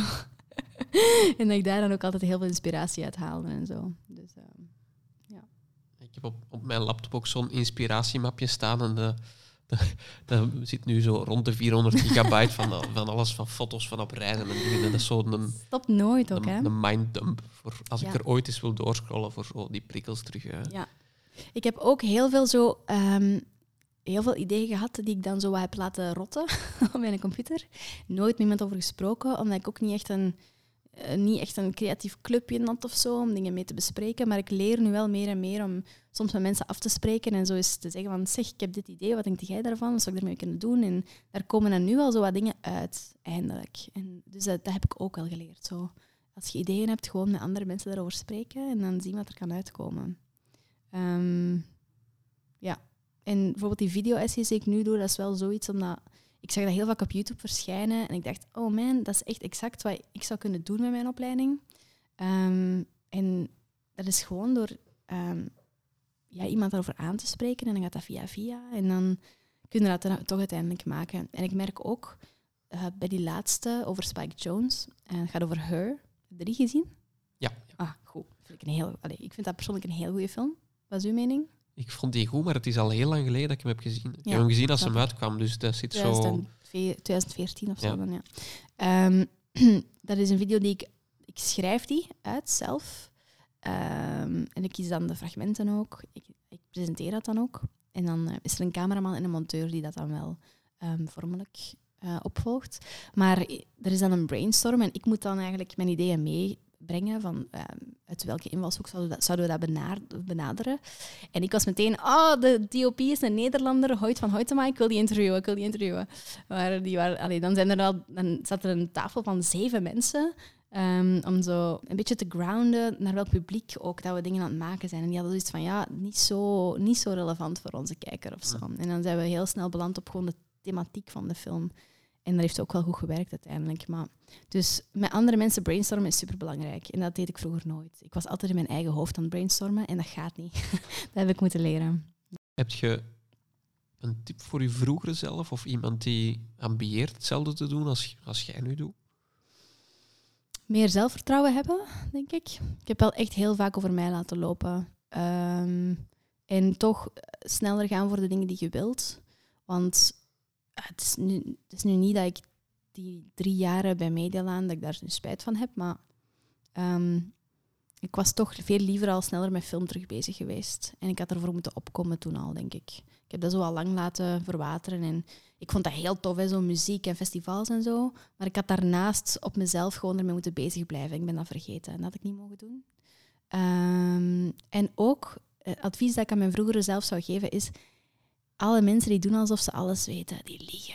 Dat is niet waar. Die, die kunnen gewoon, die zijn gewoon, die kunnen dat gewoon goed uiten. Fake it till you make it heet dat. Dat heb ik intussen wel echt geleerd. Dat um, mensen waar ik vroeger een beetje schrik van had, uh, of die ja, gewoon heel imposant waren en die kennis overal maar verspreiden, waar ik echt zo ineen klapte. Ja, dat is ook gewoon vaak die weten het ook niet altijd, heb ik wel geleerd. Want soms dan betrapte ik bepaalde mensen erop van hey, wat je nu aan het zeggen bent, is echt niet waar, is echt niet waar. Maar ik verbeter dan ook niet, want ik ben daar veel te verlegen voor. Snap je? Alleen, niet ik ben niet verlegen, maar ehm, ik ben heel nederig daarin. En ehm, ik, ik zou dat ook nooit willen worden, zo'n bedweter of zo. Ik vind dat je altijd op alle vlakken je moet gedragen alsof je van niks weet en alleen zo kun je veel bijleren, denk ik. Ja. Ehm, ik betrap mezelf daar soms wel een beetje op. Zo. Ik, ik durf zo een, een beetje een mansplainer te ja? zijn. Ja. Maar, maar ik, ik, besef het wel, dus ik, probeer het wel in te Maar je praat ook gewoon heel graag over je passie. Hè? Dat is, er is een dunne lijn. Hè? Um, ik heb het echt over uh, discussies die ik met mensen kon voeren. En die dan dingen tegen mij aan het zeggen waren. En ik dacht, wat je nu aan het zeggen, ik kan dat nu bewijzen dat dat niet waar is. Ja. Maar en gewoon niet over, niet over u laten lopen als je weet dat je gelijk hebt. Het is niet omdat mensen meer ervaring hebben of al langer in het vak staan dat die per se alles beter weten. Dat is, die weten gewoon beter hoe ze zich moeten gedragen. Ja. En dat is nu heel algemeen advies, maar ik denk dat dat in alles zo werkt. Nee, maar ik heb dat we het in de podcast ook al eens een beetje over gehad, is ehm, je kunt naar mensen opkijken, maar die hun, hun je moet u, allez, jezelf ook nog genoeg kunnen afscheiden van die persoon. Ja. Die alles aftoetsen aan die persoon, want dan wordt het niet uw ding, maar... En ook gewoon geloven in jezelf ook, hè. Toch wel. En dat is zo cliché om te zeggen, believe in yourself. Maar um, zeker toen ik afstudeerde, ik, ik had een master filmwetenschappen en uh, ik durfde nergens over schrijven, omdat ik dacht, ik weet niks. En ik heb niet genoeg films gezien. En bla bla bla. En al mijn collega's gaan daar kan en zo, en ik niet. En, maar uiteindelijk, veel mensen zeggen ook maar wat. En, dat is een volste recht. Ik moet gewoon ook dat lef hebben om dat te doen. Dus ja. Laten we overgaan naar het volgende segmentje. En dat noemt uh, Spotlight. Daar mag opnieuw een uh, jingle voor komen. Een nieuwe? Ja. In 3, 2, 1. Spotlight. De Spotlight is um, een segment waarbij ik mijn gasten vraag van uh, iets voor te brengen. Dus dat mag een, een verborgen talent zijn. Een, een, vroeger een brief aan de Sint dat je wilt voorlezen, of het hmm. een of het ander. Oké. Okay. wat heb jij voor ons bij? Ik heb niet concreet iets bij. Oké. Okay. Um, ik heb zo talenten vind ik moeilijk. Ik hoor vaak dat ik een aangename stem heb, dus misschien moet ik een beetje ASMR doen. Een beetje okay. luisteren. En ik zal u iets vertellen over um, een boek dat ik nu aan het lezen ben. Um, Backwards and in Heels. Heb je daar al ge van gehoord of gelezen? Nee, nee. Oké, okay, maar ik zal het al fluisterend doen. Dat is toch hoorbaar zo? Ja, ja, ja. Oké, okay, kijk goed. Um, het is een film. Uh, het is een uh, boek over vrouwen in de film. Vrouwen in de filmgeschiedenis. En daar heb, daaruit heb ik geleerd. Ik zal het kort houden. Wat ik ontzettend boeiend vond, was dat uh, vrouwen in de film vandaag zijn super beperkt. Er zijn heel weinig vrouwelijke regisseurs. Um, die komen nu terug op. Maar wat ik heb geleerd is dat de stille filmperiode, eigenlijk alles voor de jaren 30, de vrouwen aan de macht waren in de filmwereld. En dat heb ik nooit geleerd in de filmgeschiedenislessen die ik had. Dat wordt een beetje doodgezwegen. Maar een van de eerste regisseurs was een vrouw. En een van de eerste monteurs was ook een vrouw. En dat is allemaal veranderd toen film populairder werd. En uh, film geld moest opbrengen. En alle mannen eigenlijk daar een business van hebben gemaakt. En alle vrouwen hebben uitgepusht. Um, voilà, was mijn meetje in ASMR. Ik heb daar straks trouwens toevallig een YouTube-filmpje ge gezien. En dat, is, dat heet Boyfriend ASMR. Weet je wat dat is? Nee. Het zijn jonge tienergastjes die in, in deze stem, in deze fluisterstem, doen alsof ze uw liefje zijn op YouTube. Super raar. Wat, dat is, YouTube is zo'n rare plek. Wauw, wat maar, je daar kunt terugvinden. ASMR is zo uitgebreid. Ik kan het zelfs niet volgen, denk ik. Het zo van die, het, ja, ik denk in, in elke subcategorie het je wel iets. Hè, van eetgeluiden tot, ja, alles. tot uh, dingen uh, aanraken. Ja, zeepraspen um, is er ook een, een heel bekende. En nu dus uh, Boyfriend ASMR, dat moet je maar eens opzoeken. Super grappig. ja. Maar ik heb soms gedacht, ah, oh, man, dat, je kunt daar keihard views mee halen. Misschien moet ik dat gewoon beginnen doen. Um, een collega van mij, Jordan, die kende jij misschien ja, nog van Black, die, die heeft een ASMR-kanaal gehad of heeft nog steeds, ik weet het niet. En welk um, type? Of alles? uh, ik, ik, weet het eigenlijk niet van buiten. We, we hebben er nog niet zo uitgebreid over gesproken, maar misschien moet dat wel eens een, uh, een onderwerp zijn voor de volgende keer. Zalig. Heb je die ASMR-video met Paris Hilton gezien? Nee. Genius. Okay. Die, die heeft twee microfoons en die is de hele tijd van de ene naar de andere aan het fluisteren. En dat is echt hilarisch. Ja. Ik moet toegeven, als je echt je verveelt, wat dan niet zo heel vaak gebeurt, maar ik vind dat wel leuk om naar te kijken en te luisteren. ik word er heel rustig van. Dat is ook de bedoeling, hè? Dus ja. Om Ja, misschien terug. in, in te pikken op, op eh, uw tekstje, eh, los van in de geschiedenis dan. Mhm. Ehm, ik weet niet, wij hebben dat op Trits precies wel gehad. Dat er Mm. meer, de focus meer op, op vrouwelijke eh scenaristen, productie Ah, en- en, monteuses, laten we het dan, of monteurs, ik weet niet. is wat. Maar alle twee, nee, Ja. ik heb dat niet gehad. Ik wist dat zelfs niet. Het is ook maar, hoe ben ik dat te weten gekomen eigenlijk? Het zit ook in een van de films van de Coen Brothers. Ehm, in Hail Caesar. Ah, zou een... Ja, ja, ja, juist. Nee, dat is waar. Maar daar heb ik, het- daar heb ik het niet uit. Nee. Ehm, ik, het eerste wat ik daarvan hoorde was dan die Alice Guy. Ja. Ehm, dat wist ik dan wel en dan interesseerde mij dat enorm. Omdat ik dacht, wow, die is gewoon uit de geschiedenisboeken praktisch gehaald. Vind ik wel ontzettend boeiend. En dan heb ik dat boek gekocht en ik zit nog maar een derde in het boek of zo. Maar het- dat de eerste scenaristen vrouwen waren en dan vooral die monteur, dat ik echt dacht, wat de hel, waarom heb ik dat nooit geleerd? Dat is super jammer. Maar dat staat... Jullie hebben dat misschien gehad, maar dat is, ja, zo, ik heb zo dat dik boek van Bordwell, ehm, Film History, en daar staat daar... pff, de, allee, het zal er misschien wel in staan, maar er is geen speciaal hoofdstuk aan gewijd of zo. Ehm, dus ik denk dat dat voor de meeste mensen redelijk onbekend is. Dat, Ja. dat, dat het zo was. En ik vind dat ontzettend boeiend. Doe nog eens de titel van het boek herhalen. Backwards and in Heels, denk ik. En ehm, de auteur is... Laat het mij heel even opzoeken. Ja. Backwards and in Heels, The Past, Present and Future of Women in Film. En de auteur is Alicia Malone. Oké, Dus voor de voilà. luisteraar die het graag wilt Ja. opzoeken. Maar ik denk wel dat we in, voor in Vlaanderen nu wel met onze generatie op de goede weg zijn. Als je ziet hoeveel vrouwelijke regisseurs er dan nu aan Trits afstuderen. ja, het probleem is dat er, denk ik, altijd wel veel afstuderen, maar die komen nooit echt in het... Ze komen wel in het werkveld, maar ik kan heel weinig vrouwelijke regisseurs opnoemen die effectief al met een film in de bioscoop hebben gestaan en die ook veel kijkers hebben gehaald. Ja. Want dat is ook iets interessant ehm, dat ik heb gelezen. Ehm, ik ben even haar naam vergeten, maar die vrouw die zo die, die iets clichéere vrouwenfilms maakt, zoals The Holiday en ehm, wat heeft hij nog gemaakt? Ik mag dat eigenlijk geen vrouwenfilms noemen, want daar gaat zij net tegenin. Maar ehm, ah, je, je gaat haar kennen als ik haar naam... Nancy Myers. Right? Ja. Dus ehm, die heeft ook... Die heeft wel een aantal van die films. Dus The Holiday vind ik nu de bekendste. Maar The Intern, It's Complicated, Something's Gotta Give, What, Wom- What Women Want. Dus ja, Mhm. The Parent Trap heeft hij ook gemaakt. Ja. En die, in een interview met haar heb ik ooit gelezen dat hij zegt dat je als vrouwelijke regisseur eigenlijk al sowieso eh, benadeeld bent. Niet om in de slachtofferrol te kruipen, dat echt niet. Maar die zei, ehm, ook al zet je een vrouwelijke regisseur met toevallig een vrouwelijke hoofdrol en je maakt een film die totaal niet over vrouwendingen gaat, zoals de cliché eh relatieshit, dan nog word je in de perceptie wel gezien als, wordt je film gezien als een vrouwenfilm. Ook al maakt je een super badass film over iets dat iedereen kan interesseren, je publiek zal sowieso waarschijnlijk al de helft zijn, omdat mannen minder snel naar een Nancy Myers film zouden gaan kijken. Ja. Ehm, en dat vond ik wel heel interessant. Ik weet niet of dat, dat zo is, want je hebt intussen al wel regisseurs die... heb je eh, The Rider gezien van Chloe Zhao? Nee. Ehm, dat zouden zelfs niet weten dat dat... allee, dat is uiteraard geen vrouwenfilm. Het is gewoon... De media zet dat heel vaak zo. En het probleem is gewoon dat dat heel vaak ook daarover moet gaan. Bijvoorbeeld die Wonder Woman.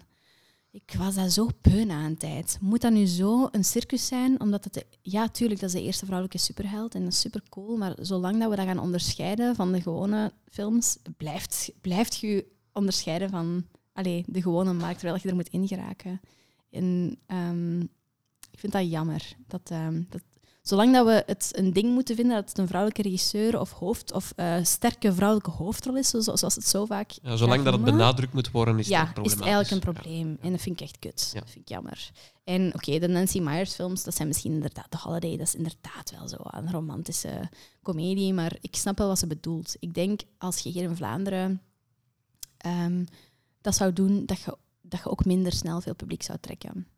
En ik kijk trouwens keihard op naar Vintrog, ehm om wat ze doet. Maar ik denk dat hij het ook niet makkelijk heeft. dus ja, En ehm, ik weet eigenlijk niet of er in België of in Vlaanderen dan liever al een vrouwelijke regisseur is geweest die echt een super commercieel succes heeft gehad. Ik weet niet, ik kan, mij, ik kan niks opnoemen en dat vind ik redelijk problematisch. Ja. Dus ja, het is super cool dat er heel veel afstuderen, maar ik vraag me af waar het dan misgaat soms. Waar blijven die allemaal? Ja. Waar gaan die naartoe? Ehm, waarom duurt dat zo lang voordat die een grote film maken of zo? Maar dat is misschien in general zo. Hè. Het is niet dat, dat je van de filmschool komt en meteen een kaskraker maakt. Dus misschien heeft dat wat tijd nodig. Ja.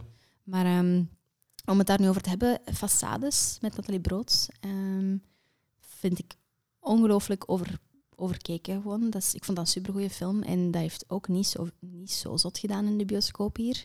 Ik heb daar weinig promo voor gezien. Ehm, Ik heb hem nu vandaag wel bewust in mijn to-watchlist Ah. gezet. Ja. ah, kijk. Het is staat een, op Telenet nu. een beetje vergeten, denk ik. Terwijl ik denk, allee, dat zou nu, dat zou nu echt een commercieel interessante film geweest allee, zijn, denk ik. Want, maar ja, je hebt een vrouw in de hoofdrol en hmm, twee vrouwelijke regisseurs. Ik weet niet wat het probleem is, man. Het heeft vaak ook, met, merk ik wel, met marketing te maken. Ja. ja, dat is absoluut waar. Maar dat mag geen excuus zijn. Nee. Ehm, maar ja, moest ik het kunnen oplossen? Allee, moest ik de oplossing hebben? Ik zou het zeggen, ik zou het je geven. Maar ik denk, die façades dacht ik echt, alright, dat is, een, dat is, een, dat is supergoed dat dat er komt. En uiteindelijk is dat zo'n beetje vergeten. En dan denk ik, allee, hoe kan dat? Ehm, maar dat is ook wel waar. Als je ziet welke films het hier goed doen, die hebben altijd, ook altijd straffe marketing gehad. En ehm, die zijn overal te zien. En dat was gewoon bij die film niet het geval, denk ik. Dus ja. Laat ons de komende jaren hopelijk Ja, afwachten. Ik op- hoop het, man. Maar er zijn zoveel veelbelovende namen, dat kan niet anders dat er iemand moet uitkomen. Ehm, het is ook niet makkelijk hè, hier in Vlaanderen. Allee, hoeveel films subsidieert het FAF? Zijn er ook niet veel meer. Eh, allee, Ja, ja. om nu niet daar te negatief over te doen, maar ik denk, dat, ik denk als je als onbekende nieuwe naam iets wilt maken, dat dat echt bijna onmogelijk is. het is eigenlijk echt... ehm, ik weet niet op welke manier je het moet doen eigenlijk. Het is echt... Ik mag er niet te negatief over doen. Ik wil... Het is supergoed dat er keiveel vrouwen afstuderen. Ja. Want ik kan me wel inbeelden dat er misschien vroeger veel mannen... Hoewel ik altijd heb gehoord dat er altijd wel veel vrouwen op de filmschool zaten. En dan vroeg ik mij af, waar blijven die dan allemaal? ja want ik, ik, ik, ik heb zo de indruk dat de, dat, de, dat de filmscholen daar een heel goed voorbeeld in zijn. Want ik eh, produceer nu ook Jordan zijn masterproof. Hmm, En eh, onbewust is 90% van de crew eh, vrouwelijk. cool. Ja. En allee, ik, weet niet. Het, het is zo. Maar mooi- waarom? Want oké, ik, ik zit dan wel in media, Ja. maar sorry, ik heb, al, ik heb altijd maar mannelijke cameramannen, mannelijke geluidsmannen, ma- eh, mannelijke crew, altijd. Ja. Dus dan denk ik toch, waar blijven die? En ik, ik, ehm, ik heb al vaak eh, oproepjes gezien van, van die ehm, events die bijvoorbeeld vrouwelijke ondernemers ondersteunen. En om het verhaal dan rond te maken, wil die dan ook bijvoorbeeld een vrouwelijke camera, cameravrouw, dus Ja. cameravrouw zoeken. En dan is dat blijkbaar bij- bijna Mission Impossible om dat te vinden. Ehm, en dan, dat kan toch niet dan? Als er, als er zoveel mensen aan de filmschool zitten, Ja. waar blijven die? Maar het, het moet ook geen kwestie van quota's worden. Hè. Het mag Nee, moet natuurlijk gewoon. niet. eh, maakt, het moet niet uitmaken of het nu cameraman of cameravrouw is. Maar Absoluut niet. Maar de optie moet het is bestaan. maar om te zeggen, als Ja. er zoveel afstuderen en je zit ze nergens in het werkveld uiteindelijk, dan moet er iets fout zijn. Ja. Allee, dat, dat vind ik heel raar. Ja. En ik heb misschien nog niet genoeg filmsets gedaan, ehm, maar voor de media kan ik nu wel zeggen dat er niet zo heel veel vrouwen te vinden zijn. Dus Maar misschien moeten we gewoon binnen een half jaar of een jaar eens afspreken en eens eh, een, een, een, ja, retrospect doen of dat er ondertussen verbetering is. Ah. Ehm, willen wij ons laatste segmentje doen? ja. Ja, dat is het ding van de week. En daar mag je ook weer een jingle voor doen in 3, 2. No, no, no, no. ik fluister alles, sorry. Ik fluister wel graag in microfoons. Ja, vind ik leuk. Vooral Ehm. uw uh, fluisterstemmenwerk, eh Brit Doet het goed? Ja. Ben ik voor gekend? Nee, totaal niet. Eh, ha, ik, heb, ik, heb, ik heb iets mee, hè. Mhm. Iets mee. Wacht, hè. ik ga het even terug opzoeken op mijn iPhone ondertussen. Het is heel gepast, omdat ik daar nu wel veel mee bezig ben geweest. Het heet... Het is een site. Ehm, of moest je eerst dat segment nog inleiden? Nee, toch? Hè? Eh, nee, ja, ding van de week is eh, de, de- mijn gast hun ding van de week. Oké, dus ik heb iets bij, een site die heet pleasereleaseme.be. Dat is een site die de releases voor ehm, films geeft die eigenlijk geen, geen distributie hebben in Vlaanderen of België, dat weet ik niet. Het zijn er niet heel veel. De site is nu niet erg up-to-date, want het gaat maar tot mei. Ehm, maar nu staan er drie films op die geen release hebben gehad in België en die je dan wel ergens anders op een alternatieve plek kunt gaan zien. En nu, voor mij, zag ik bijvoorbeeld de Kindergarten Teacher erop staan. En die kon je dan gaan kijken. In, ehm, dan krijg je een lijst met alle cinemas die hem wel speelden. Cinema Zuid, Cinema Z, Kask Cinema, Kunstencentrum, uh, Buddha en de Roxy Theater. Dan krijg je wel een lijst um, van plekken waar je, waar je wel op groot scherm kunt gaan zien. En um, er zijn hier in België of Vlaanderen, ik weet niet of dat eigenlijk voor Wallonië anders is, maar er zijn heel veel goede films die hier niet uitkomen. En dat kan mij echt pist maken. Of die zo drie dagen ehm, spelen en dan Bijvoorbeeld, en die dan geen kans krijgen of wel worden weggestoken. Daarom dat ik ook Booksmart daar straks aanhaalde. Dat is ook zo'n film... Ik heb daar nu al wel wat YouTube-advertising voor gezien, maar dat lijkt mij geen film die ze heel hard gaan uitspelen. Uh, net zoals um, die film van Bo Burnham, Eighth Grade, um, afgelopen jaar. Die, ik heb de indruk dat die gewoon maar in de vergeetpot gestoken is, terwijl dat, dat een fantastisch goede film was. En ik heb er wat moeite mee dat ze films waarin dat zij hier in België niet geloven, dat ze die gewoon bij het vuilnis buiten zetten eigenlijk. En dat er nog meer films zelfs gewoon nooit uitkomen. En ik was me daar niet van bewust. Um, tot Whiplash van Damien Chazelle moest uitkomen in 2014. En um, die uh, kwam niet uit hier. Ze hadden dan beslist om dat niet te doen. En dan heeft hij een Oscar gewonnen. En is hem uiteindelijk dan toch heel beperkt uitgebracht in sommige bioscopen. Maar ik was zo pist, omdat ik dacht, huh? oké, dat is een onbekende regisseur. Um, het is inderdaad niet super commercieel of zo, maar dat moet toch een kans krijgen. En in het buitenland doet hij het goed. Dus op basis van wat beslissen jullie dat hij hier niet mag uitkomen? En ik heb nu een beetje hetzelfde probleem met uh, de nieuwe Jim Jarmusch. Die nu voorlopig, dus ik weet niet hoe het gaat lopen, maar voorlopig geen release heeft in België. Um, omdat hij waarschijnlijk niet commercieel genoeg is. Ik weet het niet, want um, zijn vorige film met Adam Driver, uh, hoe heet die ook alweer? Ik ben het even vergeten. Patterson. Ja.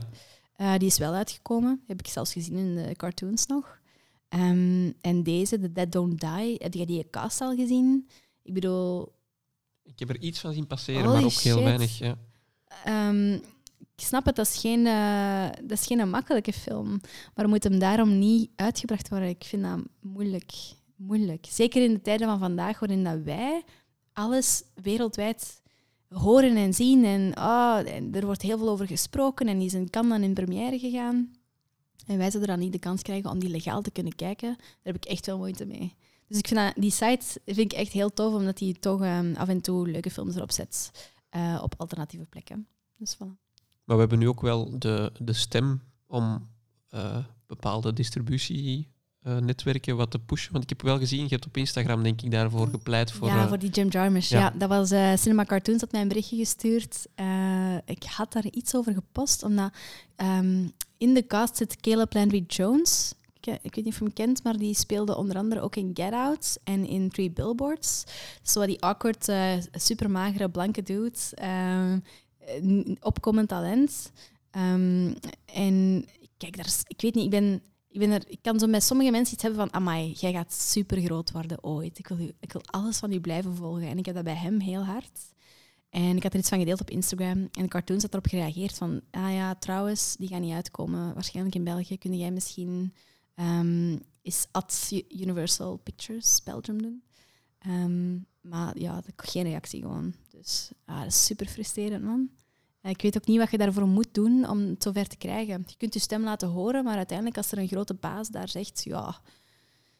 Uiteindelijk hebben die ook niet per se voeling met, met dat publiek, denk ik. Dus, um, en spelen die ook gewoon liever op safe, hè? want dat is ook niet gemakkelijk. Maar allez, waarom zouden de cartoons die nu niet laten spelen? Dat ik...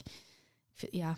Want Patterson heeft precies toch nog wel goed gedraaid, denk ik, in België. Ik weet het niet. Goed gedraaid, dat weet ik niet. Dus dat, Als ik hem ben gaan kijken, zat de zaal vol. En dat was uh, wel de alternatieve UGC in Brussel. Dus het was zo'n door, niet, de, niet de, de broekaire. Maar hij moet ook niet overal uitkomen. Ook niet. Hè. Waar, allee, de cartoons heeft sowieso zijn publiek. Die cinema heeft ook zijn publiek. Waarom niet?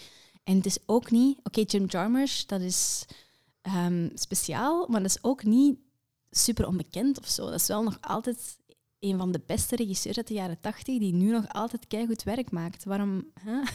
Waarom mogen wij dan die zijn, zijn, nieuwe films niet zien? En ook in Cannes is er heel veel over verschenen. Dus um, ja, dat is nu één voorbeeld, maar er zijn zoveel films die er niet uitkomen. Mid-90s bijvoorbeeld, dat heeft ook een jaar geduurd voordat die eruit. Ja. Ik heb die in oktober al in de States gezien. Het duurt super lang. En gelukkig heeft dan iemand hem nog uitgebracht. Maar oh, dat kan toch niet?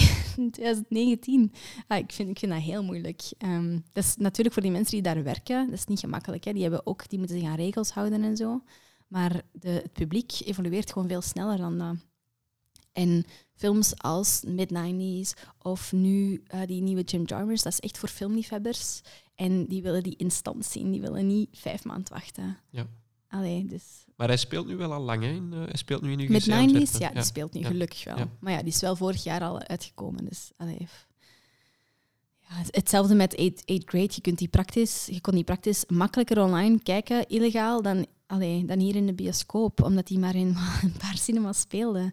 Oh, waar ik echt pist van. Dan denk ik, ah, en, en dan kon je daarna zagen dat het geen cijfers heeft gehad. Terwijl, ja, je maakt het ons ook gewoon niet makkelijk hè, om de film te gaan kijken. Dus um, ja, ik interesseer me er ook wel in om zo, hoe dat, dat evolueert en wat, wat er in het buitenland aan het gebeuren is. En ik vind dat wij soms als Vlaanderen toch een beetje achter staan op dat ja, dan ah, heb je productiehuizen die zelf het, zelf het heft in handen nemen. Want was het niet King of the Belgians die... Dat weet ik niet. Die kon niet gedistribueerd worden, dacht ik, als ik me goed herinner. En dan heeft het productiehuis zelf maar alle cinemazalen gecontacteerd en betaald. En dat is ballen hebben. Ja. ja. dat is wel heel cool. Ja. ja. Zo moet het. Ja, kijk. Um, mijn ding van de week is, um, is uh, misschien een, een, experiment voor de luisteraar. Oeh. Maar ik heb, uh, ik heb recent zo een paar oude hobby's terug opgenomen dat ik vroeger wel mee bezig was, maar dan recent ja, niet meer de tijd voor had of zo. Um, maar dat, dat schept, ja, bon, dat zit sowieso een, nostal een nostalgisch kantje aan. Maar anderzijds, uh, ja, connecteer, krijg je terug nieuwe inputs en, en heb je tijd vrij in je hoofd voor terug wat op te laden, los van je werk. Uh, en zo ben ik recent, uh, het staat hier naast op de tafel, kleine tinnen soldaatjes beginnen schilderen. Holy shit! um, wat dat, ja, ik ga even dichterbij gaan kijken. Heel lang geleden een hobby van mij was. Wacht, ik zal er eentje tussenuit. Die is al geschilderd, bijvoorbeeld. Oh God. Ja? Dus die zijn zelf gegoten. Ik heb die acht jaar geleden zelf gegoten en dan zijn die in een kast verdwenen. Oh, maar um, dat is kei zwaar. Wat de hel. Ja. Respect, man. um, dat moet super um, rustgevend zijn voor je hoofd. Ah, wel, ja. Ja. dat was zoiets dat ik terug nodig had. Dus ik dacht, misschien moet ik dan nog bij een ander paar dingen doen. En dan ben ik met Jordan um, hier in Antwerpen een pak Yu-Gi-Oh! gaan halen. Om zo nog eens die nostalgie terug boven te halen. En daar is ook, allee, ook terug mee gespeeld. En ik vind wel...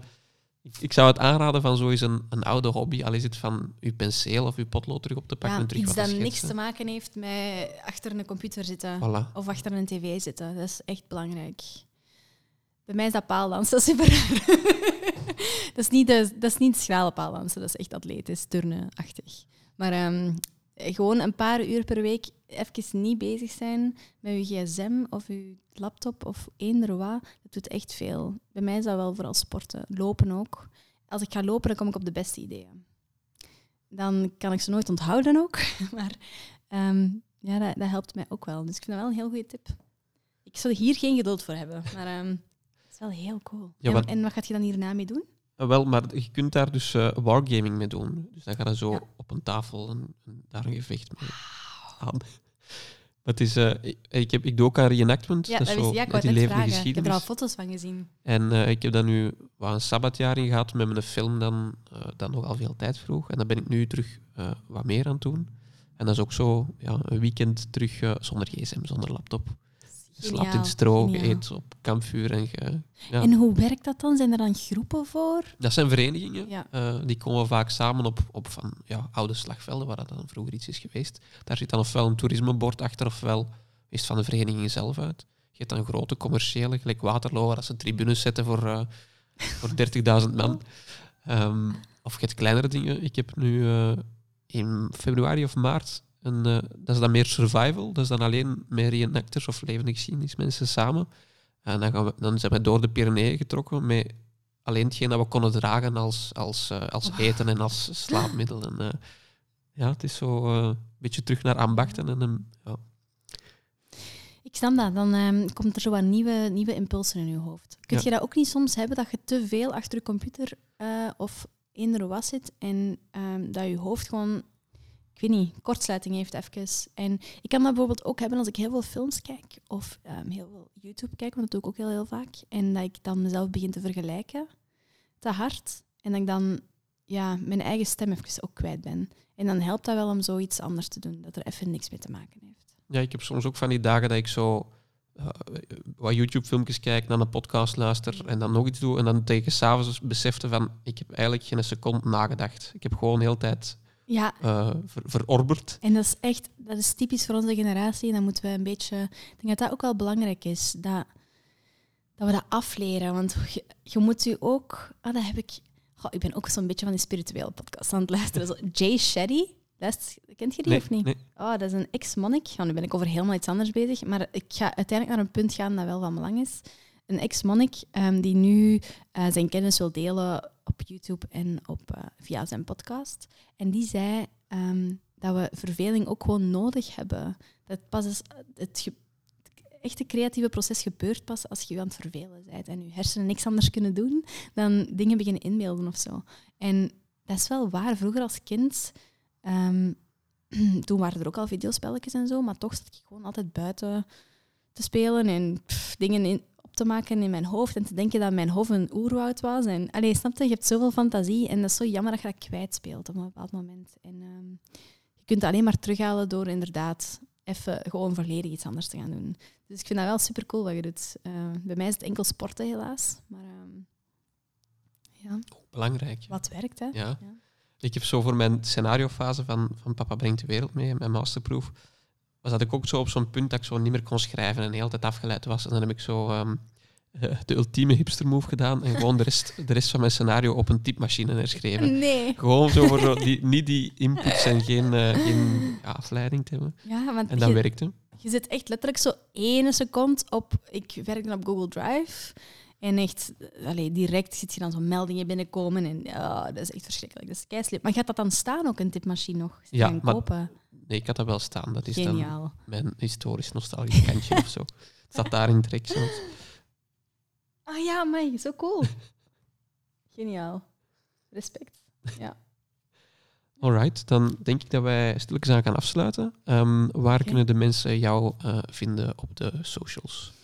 Hmm, soms verdwijn ik even van Instagram, maar dat is toch wel de beste plek om mij te vinden, denk ik. En dat is at Brie, dus B-R-I Valkenborgs. GA is achteraan. dat is niet de makkelijkste naam, I know. Maar, ehm, en ik zou misschien ook aanraden om mijn laatste Cinema Canvas essay te kijken. Eh, dat is een redelijk recente. De film is al wel op tv geweest intussen, Her van Spike Jones. Maar ehm, los daarvan is het ook al heel leuk om naar te kijken, omdat het over het thema gaat, eh, liefde, eenzaamheid in ja, het digitale tijdperk. Want dat, die film speelt zich af in zo'n toekomst die niet al te ver van de onze ligt. En ehm, ik ben dan met Dirk de Wachter gaan spreken over liefde en of dat, dat er ooit in zit. Ehm, dat mensen kunnen verliefd worden op computersystemen of robots. En het antwoord ga ik niet verklappen. maar ehm, ja, dat was heel leerrijk voor mij. En eh, je leert heel veel over de film en ook over het onderwerp. Dus dat zou ik ook zeker opzoeken. En dat kan op, de, op het YouTube-kanaal van Canvas. En op Facebook. En op. Facebook, ja. Ja, Ja. tuurlijk. En misschien staat Heur nog op VRT nu. Dat weet ik, dat durf ik niet zeggen. Had ik beter geresearched? Ik vrees ervoor. Ik zal het in de descriptie van Ja. de podcast zetten, moest het zo zijn. Ja. Alright. eh merci Brit voor eh, naar hier te komen. Dank je om eh, mij uit te nodigen. Dat is graag Dat was gedaan. heel gezellig.